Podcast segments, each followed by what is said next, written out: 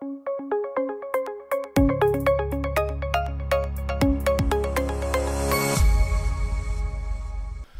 үндэт үзэгчдээ хэрэгтэй юм буу хаалын өрөөтэй Идрээс подкаст инхүү эхэлж байна. Өнөөдрийн дугаарт Мандухай гэдэг эмэгтэй орж байна. Мандухай маань харт эмэгтэй тэмцэх газрын ахлах мэрэгчлэн цагдаагийн хошууч золтой ийм эмэгтэй байгаа. Та нар бас гайхчихж магадгүй те. Ийм залуухан эмэгтэй тэгээд эмэгтэй хүн цагдаа энэ гэхээр нэг юм бас церемони толгойд авцалдгүй шүү дээ.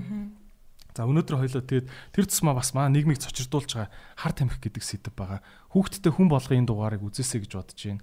Аа энэ хар тамхи гэдэг сэдвийг бас бас айхтар яриад дэлгэрүүлээд байж болтгоо бас ярихгүй таг дуугаа суугаад байж болтгоо сэдв байгаа. Тийм учраас би яг энэ хар тамхитай тэмцэх газар гэдэг энэ цагтаагийн алба нэгж бас шинээр бас тусдаа байгуулагдаж гарсан гэж сонсоод одоо өөрийг чинь өрсөн байгаа.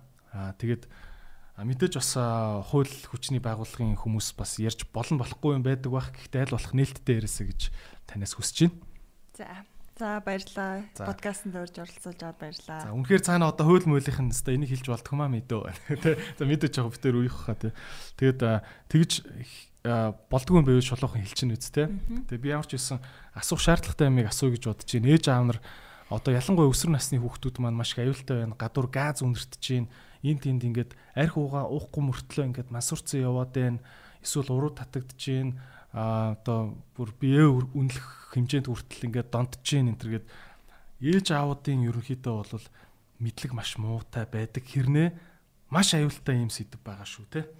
За а миний хувьд ч гэсэн бас асуултаа бас нэлээд бэлтгэж бас хичээлээ.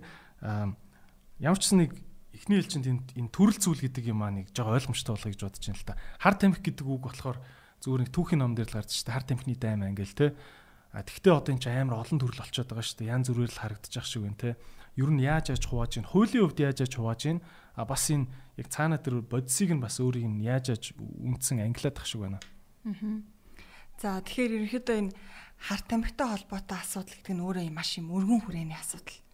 Аа тэгээд энийг маш зөв ярьж зөв ойлголтыг өгөхгүй бол эргээд нөө сөрөг сурчлагаа болох ийм эрсдэлтэй. Чи үдэрийн яриаг өсвөр насны хүүхдүүд ч үзэж болно, эцэг эхчүүд үзэж болно те. Тэгэхээр ер нь энэ хүн сэдвийг хөндөж ярихдаа бол маш шинжлэх ухааны үндсэлтэй яг бодит зүйлийг үнэн зөв байдлаар хэлэх нь бол маш чухал. Тийм болохоор би өөрийн чинь подкастаар дамжуулаад яг энэ чухал мэдээллийг л эцэг эхчүүдэд өгье гэж байна. Тэгэхээр хар тамхи гэд бид нар хар яриандаа хэлээд даншаад байгаа тий.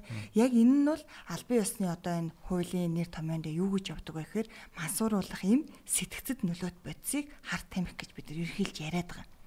Тэгэхээр энэ мансууруулах юм сэтгцэд нөлөөт бодис өөрөө одоо олон байдлаар ангилж болж байна гаргаж авж байгаа аргаар нь ангиж болж байна. Хүний биед үйлчилж байгаа одоо тэр нөлөөллөөр нь ангиж ангилж бас болно.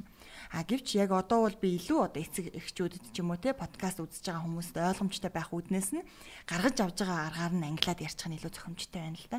За нэгдүгээр синтетик буюу нөх химийн аргаар гаргаж авж байгаа нийлэг бодисуудыг хэлж байгаа. А нөгөө талдаа байгалийн гаралтай буюу ургамлын гаралтай одоо байгаль дээр ургадаг ийм байгальд олддог. Одоо байгальд байдаг те байгалаас одоо ургадаг газар дээр байж ямар нэг хими одоо аргаар гаргаж аваагүй гэсэн ийм ерөөсө хоёр ангилаар л хуваачих. За тэгээ энэ дотроо нөө бодисууд нөө өөрсдийнхөө нэршлээрээ үзүүлэх нөлөөллөөр ингээ янз бүр болоод ангилагдаад явдгаа л гэсэн үг. Үзүүлэх нөлөөллөөр нь ер нь ангилна гэж байх уу одоо арай гайгүй тэнгүүтээ бүр ингээд шууд өстой үнэрлэнгүүд дүф мансурдаг ч юм уу. Аха. За яг арай гайгүй эсвэл э, үнэхээр одоо хай болгодог гэж ингэж ангилахад бол бас их зохимжгүй байна л да. Аа яг хүний ер нь бол энэ альва харт амхны төрлийн бодисыг хэрэглэхээр хүний түн мэдрэлийн системд очиж үйлчилж байгаа. Тэгэхээр нөгөө түн мэдрэлийн системд ямар үйлчлэл үзүүлж байна гэдгээр нь ангилж болж байна. Аа түн мэдрэлийн системийг хөөрөгдөлд оруулдаг буюу төв мэдрэлийн системд хий хөөрөгдөл оруулдаг одоо нэгсэндээ стимулянт төрлийн бодис гэж ингэж хэлээд байгаа.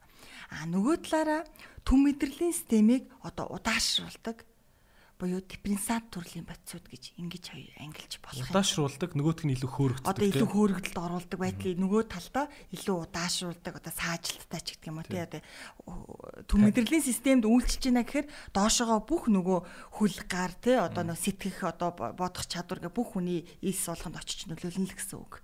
ер нь бол харт амьтны нөлөөлөл тэр нь бол тайвшруулж гин гэж ойлгогддог юм тайвшруулах яг тайвшруулж ин гэж манайхан буруу ойлгоод байдаг те тайвшруулах төрлийн бодис центр гэж буруу нэрлээд байдаг. Энэ яг ясмин дээр чиний төв мэдрэлийн системд очиж үйлчилж байгаа хэлбэр а те тэр төв мэдрэлийн системд тэр одоо сэтгэн бодох чадвар, ярих чадвар, аливаа зүйлийг шийдвэр гаргах, зохион байгуулах чадварт ч очиж нөлөөлж удаашралд оруулж байгаа байдлыг хэлж байгаа байхгүй. Энийг яг шууд тайвшруулж ин гэж хэлж болох болохгүй л те. А жам ёсны нөгөө хүний биед цаагаараа нөгөө явагдаж байгаа сэтгэл хямрал, гутрал, ядрал одоо юу гэдэг нь тэр бүх процесс бол явагдаж идэг. Ганцхан энэ нь бол мэдрэлийн эсэн дээр очиж юм хуурамч дохио өгч идэг ийм л асуудал. Тэгээ энэ бол яг нөгөө одоо харт амплаа тэмцэх газрын мэрэгчлэлтэн одоо хүний үг бас биш байгаа байхгүй юу? Бид нар бол байн одоо сэтгцэн эрүүл мэндийн үндэсний төв болон бусад энэ мэрэгчлэлтэнгүүдтэй хуралдсан, сургалтанд суун байн өөрсдөө цэнгэлж идэг. Тэгэхээр яг үл яг эмнэлгийн салбарын эмчнэрийнх нь өөрсдийнх нь мэдээлэл бол яг ингэж байгаа даа. Окей. Аа За шууд илүү галтгооны асуулт асуумаар байна л та. За би одоо ингээд нэг ах байла маань манай дүү одоо ингээ 17 лоотой. Тэ? Банд одоо ч ингээд одоо одоо 17 молоотой банд нар чинь бол амар том бие мэттэй тэ ингээл том хүнээс ялгаагүй л харагдаж байгаа шүү дээ. Аа тэгээд гэртээ ороод ирдэг. Аа хуучин бол яг уу одоо гэдэг чинь 10 10 жилийн өмнө бол арх угаад ороод ирдэг авда зодтолдог үе байсан тий. Одоо ч бас өөр болчиход байгаа тий. Гэртээ орж ирдэг мансуурцсан байдаг. Тэрийг аав ээж нь ингээ мэдтгүү хажууд нь сууж л байдаг тий. Аа би бол тийм сонсч л байсан нэг ээж ээж аавынхаа юу гэлээ цагтаа нар ингээ ороод ирсэн чинь нөгөө нөгөө хар тамхины мэдээллээр ингээ хөөгд очсон хүүхэд нь зүгээр л ээжтэйг хамт диван дээр суудсан ингээд хамт кино үзчихсэн гэж сонсч ирсэн л та. Ээж нь юус мэдхгүй. Тэгээд аав ээж нар яг ямар шинж тэмдгээр одоо хүүхдүүдэд ингэж байн харж явах хэрэгтэй юм те. За маш чухал асуулт байна те. Тэгэхээр ерөнхийдөө манай ээж аваад мэддгүү штэ. Ингээл манай тэр хэрэгт холбогдоод хүмүүс ирнэ штэ. Тэгэхээр нөгөө хэрв насан туршаагүй хүн байх юм бол нэн даруй а насан туршсан хүн байсан ч гэсэн ар гэрийн хүнд бол одоо холбогдож мэдэгддэг баг за ийм хэрэгээр ийм хүн ороод ирлээ та одоо ээж наав нь эхнэр нь нөхөр нь те бид нартай ирж уулзах хэрэгтэй байна гэхэд бүгд гайхдаг байхгүй бүр бүгд ингэ нүдэн ороод байгаа. За гүү байлгуудаа одоо худлаа яриад ч гэдэг юм. Ер нь итгэдэггүй талтай дийлэнх нь. Аа гэтэл тэр хүүхэд нь аль үжээ ямар нэгэн бодисын хамааралтай болоод эсвэл энэ төрлийн гэмт хэргийг үйлдээд хүмүүс зарж борлуулаад тодорхой хугацаа өнгөрцөн байх жишээ нь. Тэгэхээр би зүгээр урд нь нас яг харт амтаа тэмцэх газараа мөрдөгчөөр ажиллаж исэн туршлагаасаа гэд ингээ харахад яг юу анзаарагдаад байна гэхээр зэрэг манай ээж аавууд энэ асран хамгаалагч нар хүүхдтэйгээ бүр яг ингэж нэг детальчилж харьцаж детальчилж анхаарал тавих хань болцсон юм уу да тий ерөнхийдөө л нэг хүүхэд нь хулгаар нь бүрэн бүтэн тий өглөө нэг хичээлдээ явж харагдаал өдөр нэг гэртээ нэг ширээний хаар сууж илээвэл За нэг тамхи өнөртүүлэхгүй, арх өнөртүүлэхгүй л байвал за энэ нэг болж гинэ гэд ингээд бодоод ах шиг байна. Гэтэл яг хүүхэд нь бол энэ хар тамхи гэдэг зүйлтэй холбогдчихжээ гэдгийг бол эцэг эхчүүд бол ер нь бол мэдэх боломжтой. Хэрэглэгч болцсон байна уу? А эсвэл өөр юм хийгээд яваад байна уу гэдгийг. Нэгдүгээр хүүхдээ сайн анзаараад ингээ харах юм бол хүүхдэд бол биед нь гадна харагдах шинж тэмдгүүд илэрч эхэлдэг. Хүүхэд биеинж ингээ алддаг, маш хэмжээгээр турж идэг, А эсэргээрээ зарим тохиолдолд бол биеийн жин огцом нэмэгдэж идэг. Нөгөө идэж ууж байгаа хоол нь бол адилхан л шүү дээ. За тэгээд янз бүрийн юм идэт өрөвслүүд биеэр нь гарна, нуруу гарна, нүрээр нь гарна. Тэрийн насны онцлогтой нь андуурна. А идэт өрөвсөл бол гараа тодорхой хэмжээний арчилгаа хийгдээд идгэрэх ёстой шүү дээ. Тэгтэл мансуурал бодисын бол бас яг энэ өсвөр насндаа хэрэглээд байгаа хүүхдүүдэд бол маш их юм идэт өрөвслүүд гарч эхэлдэг. Биеийн хоолны туршилт нь өөрчлөлт орж эхэлдэг учиргүй хийдэн эсвэл бүр огт хоол идэхгүй байх. За цаашлаад нойронд нь өөрчлөлт гарна. Өө одоо юу гэж ярьдаг вүлээ да энэ яста шүнжин энэ компьютер тоглоод шүн унтахгүй. Өдөр унтаал гэл ингээл ярьж байгаа чинь. Гэтэл магадгүй хүүхэд нь өөр ямар нэгэн бодисын нөлөөгөөр шүн унтахгүй байж бас болох л ахгүй юу. Нойрон салгидаад ингээд ирдэг. Тэгэхээр энэ одоо яаж энэ чи зүгээр байна уу үгүй юу ч гэдэг юм уу. За яг хэрэгэлсэн даруйд бол хүний бол хүүхэн хараанд бол маш их өөрчлөлт орж хүүхэн харааг анзаарч явах хэвээр тий өргөссөн байна уу, нарийссан байна уу, энгийн хэмжээнээс. За тэгээ ингээд яриа өрнүүлээд ирэхэд их тийм одоо сэргэлэн цаваа хүүхэд чинь тий үг дуу цөөтэй болцсон ч юм уу, бодол сэтгэх нь удаан, ярих нь удаан болцсон ч юм уу. А эсэргээр их үгдүүд сөөтөө даруй төлөв байдаг хүүхэд чинь их юм итгэвтэй болоод яриаг өөрөөтэй болцсон ч байд юм уу гэд ингээд яг шинж тэмнүүд бол маш их илэрдэг. А гагцгүй тэрийг хүүхдтэйгээ сайн ярьж, ойр байж, анзаарч, ажиглаж ижил ер нь бол илрүүлэх боломжтой байхгүй? Тэр их юм өнгөцл юм байгаад байна уу? Тэрнээсээ болоо жоохон бас хожуу мэдээд байна уу гэж хэлэх гээд байна л да. Хүүхдтэйгээ өдрө болгон л маш сайн тулж харьцахгүй бол болохгүй байна те. Аа юунд одоо ер нь Монгол бол харт эмхний хууль чангатай орондоо ордог гэж би бол ойлгож байгаа. Аа одоо хөнгөн төрлийн энтер гэлтгүү янз бүрийн сэтгцэд нөлөөлөх юм хэрэгэлсэн л бол ер нь бол баг 20 ялаар баг бүгд шийтгэгддэг гэж ойлгоод байгаа. Ер нь энэ ял цааз ямар хуу байна? Хууль талтай ямар хуу идэм бэ? Тэгэхээр яг энэ дээр одоо яг нийгэмд хүмүүс донд яг нэг буруу ойлголт яваад байгаа. Яг тэрийг засах айгуу тийм боломж олцсон асуулт тавилаа. Тэгэхээр нэг ийм хоёр тустай ойлголт байгаа. Мансууруулах сэтгцэд нөлөөд бодисыг хэрэглэх өөрөөр хэлбэл хэрэглэгч. Аа нөгөө талдаа мансууруулах сэтгцэд нөлөөд бодисыг хадгалдаг, олж авдаг, бусдад өгдөг, улсын хилээр хуулиусаар нэвтрүүлдэг, тээвэрлэдэг ийм хоёр тустай ойлголт. Тэгэхээр Монгол улсын одоо эрүүгийн хууль болон зөрчлийн тухай хуулинд энэ харт тамхитай холбоотой асуудлыг зохицуулсан заалтууд нь байж идэг гэсэн. Тэгэхээр одоо юу гэж ойлгоод байна вэ гэхээр зэрэг зүгээр нэг тий өвс хэрэгэлсэн хүүхдийг барьж аваад хорилоо, тэдэн жил хорилоог, нэгэн жил хорилоог гэсэн ийм нэг маас тунд нэг ийм ойлголт яриа яваад байдаг. Тэгэхээр яг одоо үйлчилж байгаа Монгол улсын зөрчлийн тухай хуулиар мансуурсан бол гэж байгаа. Өөрөөр хэлбэл мансууруулах сэтгцэд нөлөөд бодисыг зүгээр хэрэгэлсэн тохиолдолд Найз нөгөөд энийг үзчих. Тий одоо тий өгөөд нэг сороод үзчих гэдэг юм уу? татаад үзчих гээд ингээ нэг удаа хэрэгэлсэн байлаа гэж бодъё. Тэгээд цагдаагийн байгууллага саатуулагдаад таны биеэс ямар нэгэн бодис илрээгүй те та ямар нэгэн бодисыг биедээ хадгалж яваагүй хин нэгэнд өгөөгүй. Just зөвхөн өөрөө л хэрэгэлцэн явж байгаад баригдах юм бол зөрчлийн тухай хуулиар бол арга хэмжээ авагдаж байгаа. Торгуул юм уу? Гэдэг шоронд орохгүй гэсэн үг. Энэ бол шорон биш. Энэ бол ял биш. А ял шийдгэл одоо эрүүгийн хариуцлага биш А энэ бол цагааны хариуцлага гэсэн үг. Та зөрчил үлдсэн байна. Монгол улсад хориотой мансуурлах бодисыг хэрэгэлсэн байна гэд зөрчлийн тухай хуулиар баримтлах юм уу? А торгуулийн одоо ял шийдэх чаа гэсэн үг. Энэ бол эрүүгийн хариуцлага гэдэг нь бол тустай асуудал. За. А үнэхээр нөгөө бодисыг ямар нэгэн төрлийн Монгол улсад хориотой харт амхны төрлийн бодисыг чамд өгөөд зараад тий одоо улсын хилээр оруулж яд ингээд явсан нөхдүүдэд бол эрүүгийн хэрэг үүсгээд эрүүгийн хуулийн зүйл ангид заасан тохирох зүйл ангиар нь зүйлчлээд тэгээ шүүхээр ор шийтгэхэд нөгөө эрүүгийн хариуцлага буюу шоронд яваад хорих ял байд юм уу өөр одоо ялаа идлээд ингээд явдаг. Ер нь хэдэн жил суух уу ер нь ямар ямар ялтай байдаг. За баримжаа. Үйлдсэн хэргийнхаа шинжээс шалтгаалаад харилцан ялгаатай.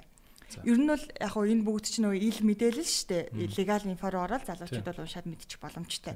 Эрүүгийн хуулийн 27 дугаар зүйл анги дээр бол энэ гэмтэргийг үзүүлчилж юу яасан байвал хэдэн жилийн ямар ялтай ямар үйлдэл гаргасан байвал ялтай ингээд ингээд заасан баг. Тэгэхээр ер нь альва Монгол улсад хоригдсан харт амхны төрлийн бодисыг худалдаалах зорилгогүйгээр гэж байгаа. Хууль бусаар олж аваад хадгалаад бусдад өгсөн бол нэгээс 5 жил хүртэл хугацаагаар хорих хэл а эсвэл торгуул ялтай байгаа. А тэгээд мэдээж нөгөө хүн анхны удаа гимтэрэг үйлдсэн тий гэдэг ч юм уу нөгөө хувийн байдлаас шалтгаалаад шүүхтэр нөгөө ялыг ялгамжтай оногдуулна. 1 жил юм уу 2 жил юм уу магадгүй 1 жил 2 жил тэнсэн юм уу те энэ бол шүүгчийн эрх хэмжээний асуудал. Тэгээд авч явжсэн хэмжээ хэмжээнээс нь болох бах те. За бодисын хэмжээ, төрөл, үйлдэлийн арга, удаа дараа юм уу, бүлгэлж юм уу гэл ингээл янз бүр. А гэтэл одоо 27-гийн 2 дээрээ нөгөө хоригдсан мансууруулах юм сэтгцэд нөлөөд бодисыг чинь худалдаалах зорилгоор хүний санаа сэдлийг энэ бас их харгалзаж үзэж байгаа юм бол та. Худалдаалах зорилгоор буюу өөрөөр хэлбэл ашиг олохоор хатгалаад хүнд өгөө зараад тээвэрлээд ингээ явсан тохиолдолд бол ялуул одоо 10 жил хүртэл хугацаар нэмэгдэж байгаа жишээ нь. За энийг улсын хилээр хууль бусаар нэвтрүүлсэн байдаг юм бол 12 хүртэлх жилээр. Бүр будаа болох юм тий. За бүр хууль бол чангарсан байгаа 2020 оны 1 сард нэмэлт өөрчлөлт ороод зохион байгуулалттай гимт бүлэг буюу нэгэн тогтвортой үйл ажиллагаа явуулчихсан. Энэ одоо хууль бус харт амхны үйл ажиллагаанаас ашиг олчихсан олон гişүүдээс одоо бүрдсэн тийм зохион байгуулалттай гимт бүлгийн шинжтэйгээр үйлдсэн байх юм бол бүх насаар нь хорих ял шийтгэх хүртэл хууль эрх зүйн зохицуулт бол байгаа. Окей. Одоо та сая хэллээ шүү дээ. Одоо найз нь ингээд маа нэг сорчих гээд ингээд нэг татцсан. Нэг удаа мансурцсан явж байгаад баригдсан болвол шоронд орохгүй гэдэг чинь шүү дээ, тий одоо төршлийн тухай бол хангамж авагдаад баривчлах байранд бол очих нэ. Тэнд очиж Тэгээ та ингээ хэлчихэр чинь баг хүмүүс өө гайгүй юм шүү гэж бодчихгүй юу? Яагаад ингэж Уу яг уу энэ нэг яг уу юу юм л да. Энэ бол нөгөө нэг бас Монгол улс чинь арчилсан уйл улс тийм ээ. Тэгэхээр зэрэг хууль тогтоомж маань ч гэсэн ер нь бол бусад улсын жишгийг дагаад, бусад арчилсан улс орны жишгийг дагаад энд бол тодорхой юмнууд байгаа. Гимтэргийн шинж гэдэг нь нэг өөрөө зөрчил үлдээд явж байна. Энэ нь нийгмийн хор уршиг тийм нийгмийн шинж байдал гэдгээс шалтгаалаад явж байгаа юм л да. Тэгэхээр зөрчлийн тухай хуулинд нэгэнт ил байгаа хууль учраас оо окей. Тэгтээ зөрчлийн тухай хуулийн дээр нэг ийм заалт байдаг. Мансуурсан нь эрүүгийн хариуцлага хүлээлгэхээргүй бол гэдэг үг байдаг. Тэгэхээр өө окей те би хэрглэжэл явж байгаа л баригдах юм бол асуудалгүй барьчлаг зөрчлийн тухай хуулиар арга хэмжээ авах юм байна. Над дээр эрүүгийн хариуцлага ярихгүй мэн гэдэг бол бас ташаа ойлголт байгаа. Аа тухайн хүн дээр мэдээж шалгалтын ажиллагаа явагдана. Магадгүй явагдажсэн ч байж болно. Цагдаад баригдахаас өмнө шалгалтын ажиллагаа явагдажсэн ч байж болно. Баригдсныхаа дараа ч явагдаж болно А ингээд тэр хүн өөрөө энэ харт амхны гимт хэргийн нэг хэсэг байж болно. Зарж борлуулдаг, худалдаалдаг, бусдад өгдөг, насан туршиг өгдөг, уруу татдаг ч юм уу. Тэгээд зөвхөн манад баригдахдаа магадгүй хэрэгэлсэн баригдлаа гэд окей зөрчлийн тухай хуулиар юм байна гэж бас үздэггүй. Яг цаад цаад сэдлийг нь бас заавал шалгах юм шүү дээ. Тэр хүний гемт үйлдэлийн бүр детальчилж энэ хүн яг ямар үүрэг оролцоотой энэ асуудалд орооцолсон бэ гэдгийг тогтоодог гэсэн үг. Тэгэхээр яг энэ дээр бол тэгж ойлгож болохгүй. А яг энүүгээрээ би юу хэлэх гээд байна гэхээр зэрэг хоёр юмны л ялгаа гарах гэдэг. Нэгдүгээр зүгээр нэг хэрэгэлсэн хүүхд толгоныг аваачаад хориод идэг гэдэг ийм буруу ойлголтыг засах А нөгөө талаасаа хэрэглээд яваад байхад бол зүгээрээ зөрчлийн тухайлаар хангамж аваад байдаг гэдэг нь бас үгүй шүү.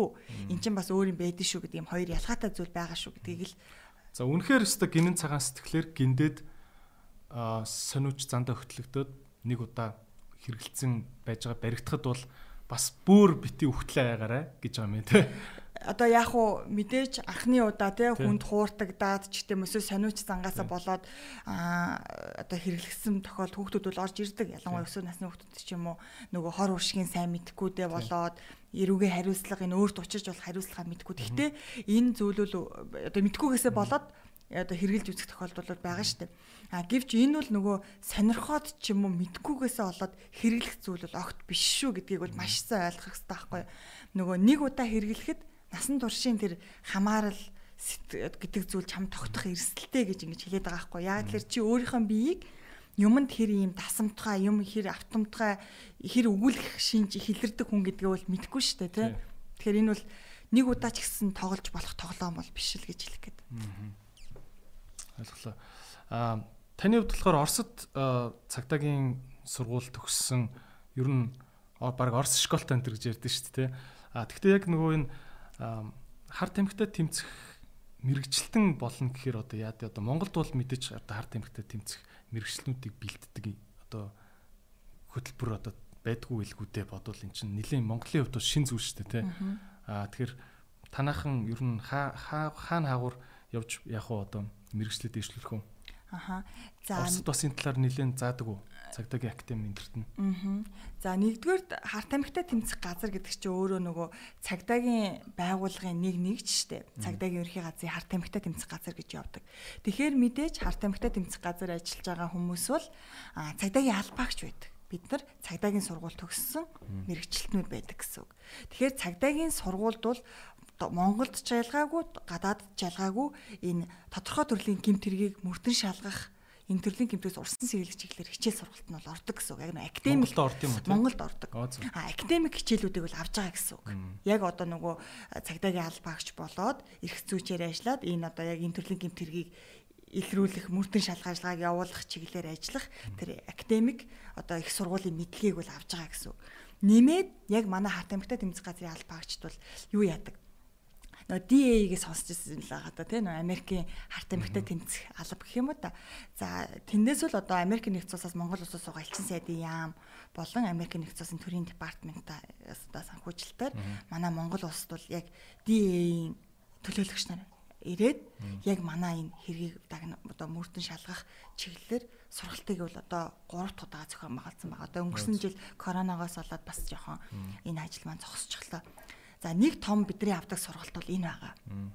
Аа дотоодын сургалтууд бол бас зөндөө байдаг. Одоо яг нөгөө сэтгцэн эрүүл мэнд талаасаа бид нар бодисоо мэддэг байж ич одоо өвчтнөө мэддэг байж ич те хэрэглэгчээ таньдаг байж ич байж ич энэ зүйлтэй тэнцсэн штэ. Тэгэхээр сэтгцэн эрүүл мэндийн үндэсний төв эрүүл мэндийн яамч гэх юм энэ дотоодын сургалтууд маань бас явж идэг.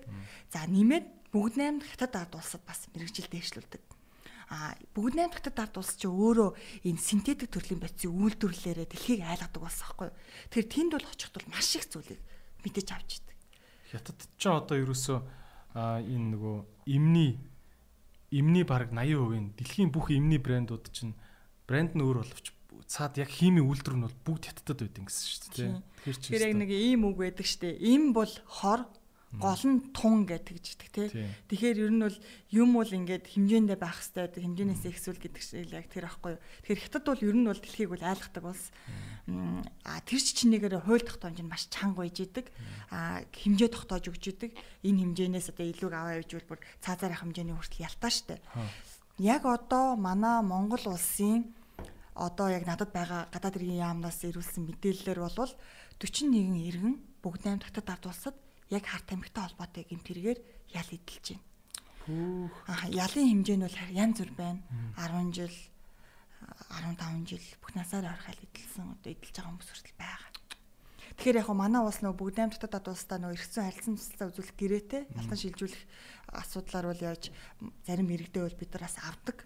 Тийм ийм зарим нь бол хитрхийн хүндүүдийг нь бол өгүүл гэдэг юм л шүү дээ. Одоо яг энэ бол гадаад хэргийн яамд олон улсын харилцааны төвшөнд одоо яг тэр нарийн ширийн зүйл нь бол яаж явдгийг би бас сайн мэдэхгүй. Гэхдээ ямар ч байсан бол иргэдээ ялтан шижүүлэх гэрээгээр аваад Монголтоо бол бас авдаг баг.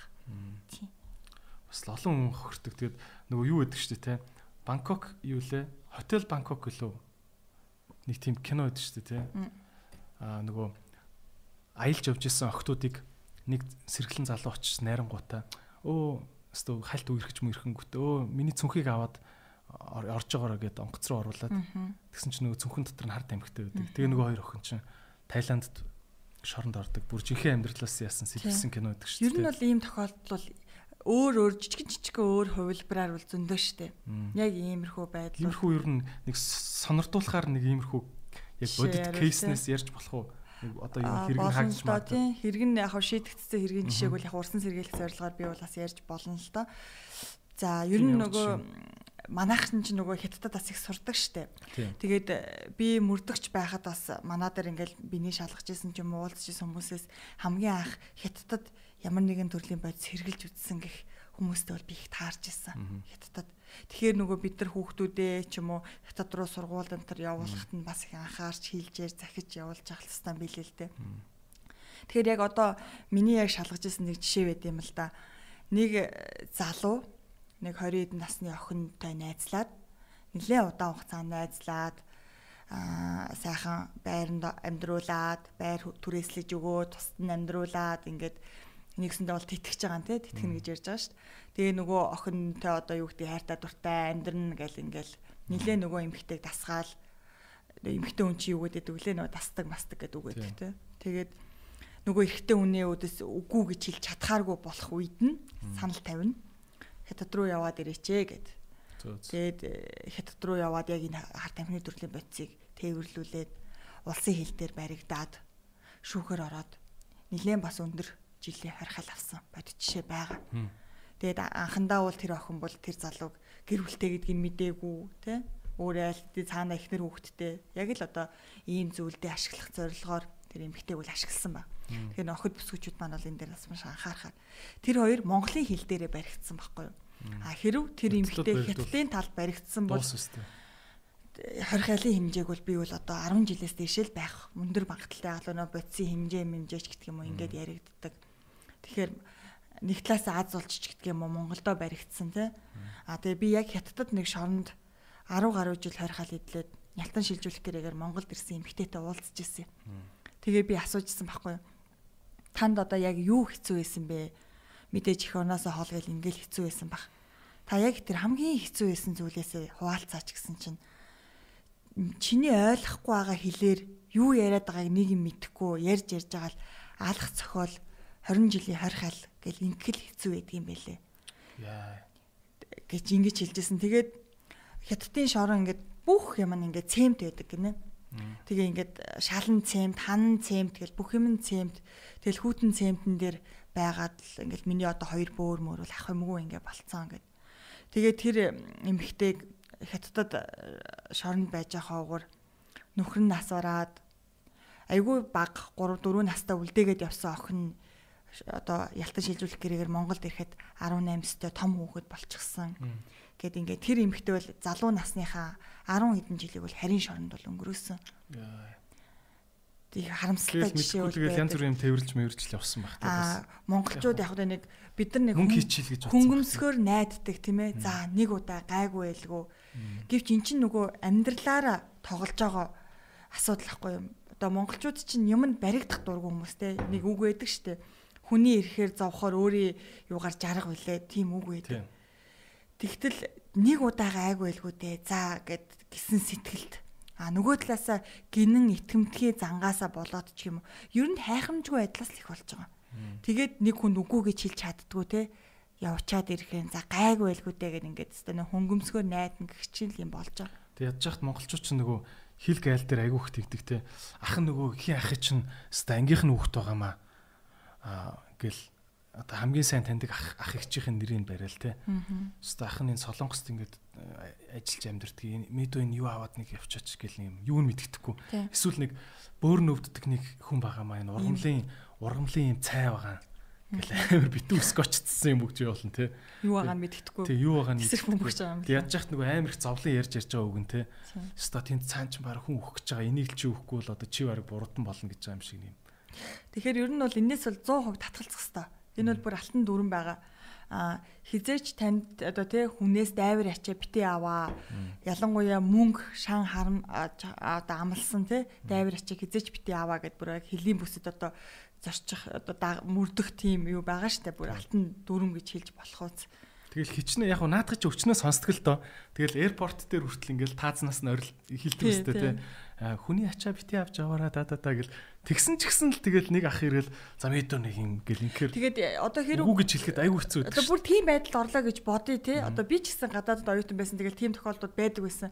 Тэгээд бүр нүдэн дээрээ тэрийг харах хэрэгтэй байхгүй. За одоо хэрэг одоо би бол ялангуяа ийм эмийн төрөл ургамлын төрлийн зүйлийг үл яасан ч байсан бити авч явал гэж хэлээ. Ягаад гэхээр эн чинь өөрөө маш нарийн зохицуулттай байхгүй юу? Монгол улсад бүртгэлтэй ийм эмийн бэлтгэл түүхий идэж гэдэг юм энэ зүйлийг л тодорхой зөвшөөрөлтэй лицензтэй тийм аж ахуй нэгжил одоо улс импортлох нь одоо улс руу нэвтрүүлэх ийм одоо тусгай маш нарийн зохицуулттай зүйл байдаг. Тэгэхээр би ерөөсөө ялангуяа ийм ургамалтай холбоотой зүйлийг бүр огт авч өөртөө маш том эрсдэл хүлээлээд бол хэрэггүй гэж байна. Аа өөр одоо юу ч гэдэг нэг хайцагтай ч юм уу тий ууттай ч юм байх юм бол задлаад нүдэн дээрээ хараад бүр бүх юм онгоолгож саваад бүр яах аргагүй чи авч явах гээд байгаа юм бол тэгснийхаа дараа шийдэрэй гэж хэлмээр байна. Тэгтэл бас эвгүй шүү дээ. Тэр чи одоо маа улбаа гэсэн ч гэсэн улбааны дотор нь юу ч байгаа юм блэ те. Бас эвгүй шүү дээ. Тэгэхээр яг одоо үгүй л гэж хэлэх хэрэгтэй юм да. Өөрийгөө эрслээс хамгаалаад тийм бах те. Аа одоо нэг ийм ойлголт үүд шүү дээ. Ингээд яг ингээд хар тамхи гэдэг сэдв ярихаар нэг хоёр хуваагддаг. Яг миний бодлоор нийгэм хоёр хуваагддаг. Одоо зарим нь бол ингэж байгаа те. Гэхдээ одоо яг би ч гэсэн өөрөө Америкт сургууль төгссөн. Америкт бол яг л үнэн шүү дээ. Ингээл үнэхээр годомжинд явж байхад ингээл өмхийн үнэртэл өвс нь үнэртдэг шүү дээ. Тэгэл хинч тоодгүй, цагдаанч тоодгүй.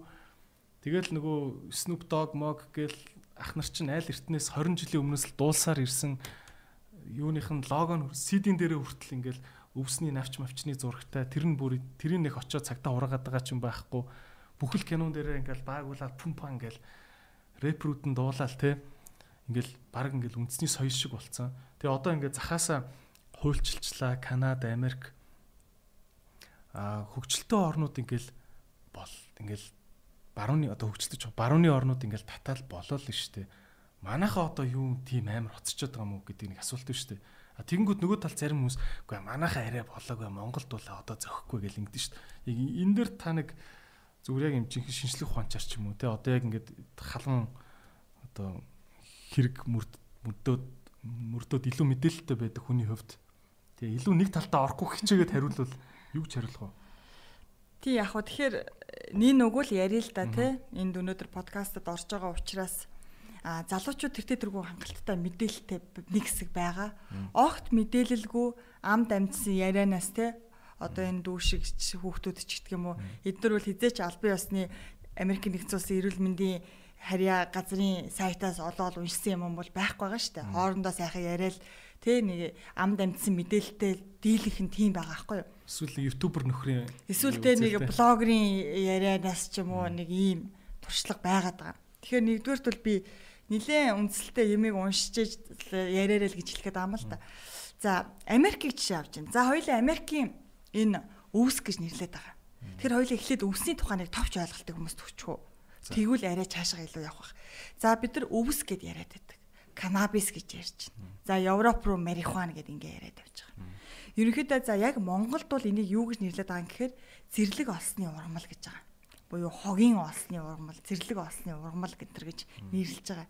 Энэ нь бол а каннабиноид буюу каннабиноидын төрлийн ийм бодисуудын агуулмжтай мансууруулах сэтгцэд нөлөөд бодисын агуулмжтай ургамлыг хэлж байгаа.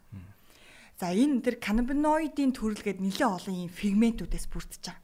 Хамгийн одоо түгээмэл хамгийн олон танигдсан хоёр одоо агуулмж нь гэсэн үг тэр өвсөн дотор байгаа нэг нь CBD буюу каннабидиол а нөгөөх нь THC буюу тетрагидроканнабинол гэдэг.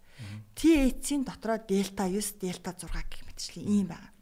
Тэгэхээр тэр CBD буюу каннаби каннабидиол гэдэг CBD гэсэн байгаа тийм. А энэ нь бол одоо тэр хүний бие тодорхой хэмжээний ашигтай гар нөлөөлөд байгаа. Энэ дэлхийн эрүүл мэндийн байгууллагаас ч гэдэг юм зарим улсууд нөгөө эмнэлгийн чанараар ашиглаад байгаа бодис нь энэ багхгүй юу. А тэр THC гэдэг байгаа нь бол а сэтгцэд нөлөөд нөгөө донтуулах бие болоод сэтгцийн хамаарал үүсгэх чадвартай бодисын THC гэдэг. Тетрагидроканнабинол. Тийм. Тэгэхээр яг одоо манай Монголд зэрлэгээр ургаж байгаа энэ CBD болон THC-ийн агуулмжтай өвс гэдэг байгаа бодисыг чинь одоо 2003 4 онд манай хим химийн технологийн эрдэмтэд Монгол Улсын их сургуулийн эрдэмтдээ нийлээд судлаад За яг манай эрдэмтэд бас судалсан байгаа байхгүй юу энийг чинь. Би одоо энэ шинжлэх ухааны дүгнэлт өөрчилж хэлэх гээд байна л та. Энэ Монгол зэрлэгээр ургаж байгаа энэ өвс гэж байгаа ургамалд THC ч байна, CBD байна. За THC-гийн агуулмж нь бол тодорхой хэмжээнд би одоо яг тэр хэмжээг нь бол хэлж болохгүй байна. А гэвч THC-гийн агуулмж нь тодорхой хэмжээнд өндөр түвшинд байна. Өөрөөр хэлбэл хууль хяналтын байгууллага одоо энэ зэрлэг олсны урмал өвсний асуудлыг хяналтандаа авбал зохих юм а гэд ингээд дүнхэлтэй гаргачихсан байхгүй. Илүү донтуулах талдаа илүү байж гадаг шүү гэж тийм. Донтуулах бодисын агуулмж нь бас байна л гэж хэлж байгаа. Тэр нь бол нөгөө аюултай төвшөнд байна л гэж ингэж гаргаж байгаа байхгүй. Хувлаад маш олон төрлийн бодисын агуулмж байгаа шүү дээ. За гэтэл одоо сая өөрөө хэлж штэ Америк хулчилчлаа, Канад хулчилчлаа гэд ингээд тэгэхээр Америкийнхаа хоёлаа тулгуу аваад ярьчих гэсэн. Америк ч одоо хэдэн мөчтэй лээ 53 билүү 54 51 баха. За Америкийн мужууд дотор А одоо энийг шууд Google-д бол 2 3 үг бичээл хайхад албан ёсны мэдээллийг бол авч болохоор байна. Маш олон сайтуудаас. Зөвшөөр чинь тэгэхээр манайхан юу гэж ойлгоод байна гэхээр ингээд хавтгааруулад өө өстэй ингээд баруун солгоогүй ямар ч чамаагүй өвсийг татхан татаал ингээд бүр эмх замраа ингээд бүр пажалста бүх юм нь болно гэж ингэж ойлгоод байгаа байхгүй. Гэтэл Америк чинь дотроо 20 гаруй мууч зөвхөн medical буюу ангаахын шугамар л ашиглана Одоо энэ хорт авдартай өвдөө чанлаа байж байгаа хүмүүс тийм. Одоо ангаахын шугамар болон эрдэм шинжилгээ судалгааны журмаар ашигланаа. Буюу зөвхөн тэр нөгөө THC-ийн агуулмж нь бараг байхгүй, CBD-ний агуулмж нь маш өндөр тийм сортыг тусгаалan тариалаад зөвхөн эмнэлгийн нөхцөлд эмнэлгийн шугамар ашиглаж байгаа. За дахиад нэг 10 хэдэн мууж нь эмнэлгийн журмаар болон тодорхой хэмжээнд нөө recreational гэд одоо 6 цэнгэлэн гэд хэлчих одоо арай болохгүй хаа. Энгийн хэрэглээ гэж орчуулъя л та. Яг энгийн хэрэглээ гэж орчуулъя. Ангаахын болон энгийн хэрэглээгээр зөвшөөрсөн боловч хэмжээ заач өгсөн. Өдөрт биедээ тимийг л авч явна. ч гэх юм уу. А бүр тийм баруун солгоог зөвшөөрсөн байна. Гэртээ тарьж мэрж бол болохгүй тий. Оо гэртээ тарих худалдан борлуулж тэрнээс хууль тэр чинь яг зөвхөн зардаг дэлгүүрүүд байгаа. Маш өндөр татвар төлдөг улсаас улсаас лицензийг авдаг тусгай тэр нөгөө CVD-ний агуул THC-ийн агуулмжинд баг тиймийг тариалдаг тийм бүр энэ чинь маш нарийн зохион байгуулалт байгаа шүү дээ. Хууль тогтоомжтой маш өндөр татвар төлдөг лиценз авж иж тариалдаг.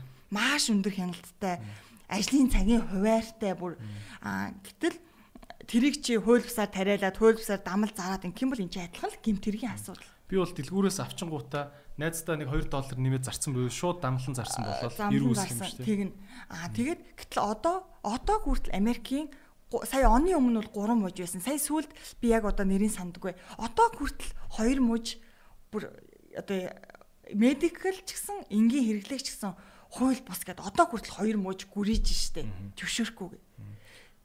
Би бол яг тэгж ойлгосон штэ нөгөө тэртээ тэргүй энэ өвсийг ингээд Америкт бүр ингээд 100 100 200 жилээрээ ч юм уу ингээд маш удаан хугацаанд хэрэгэлсэн.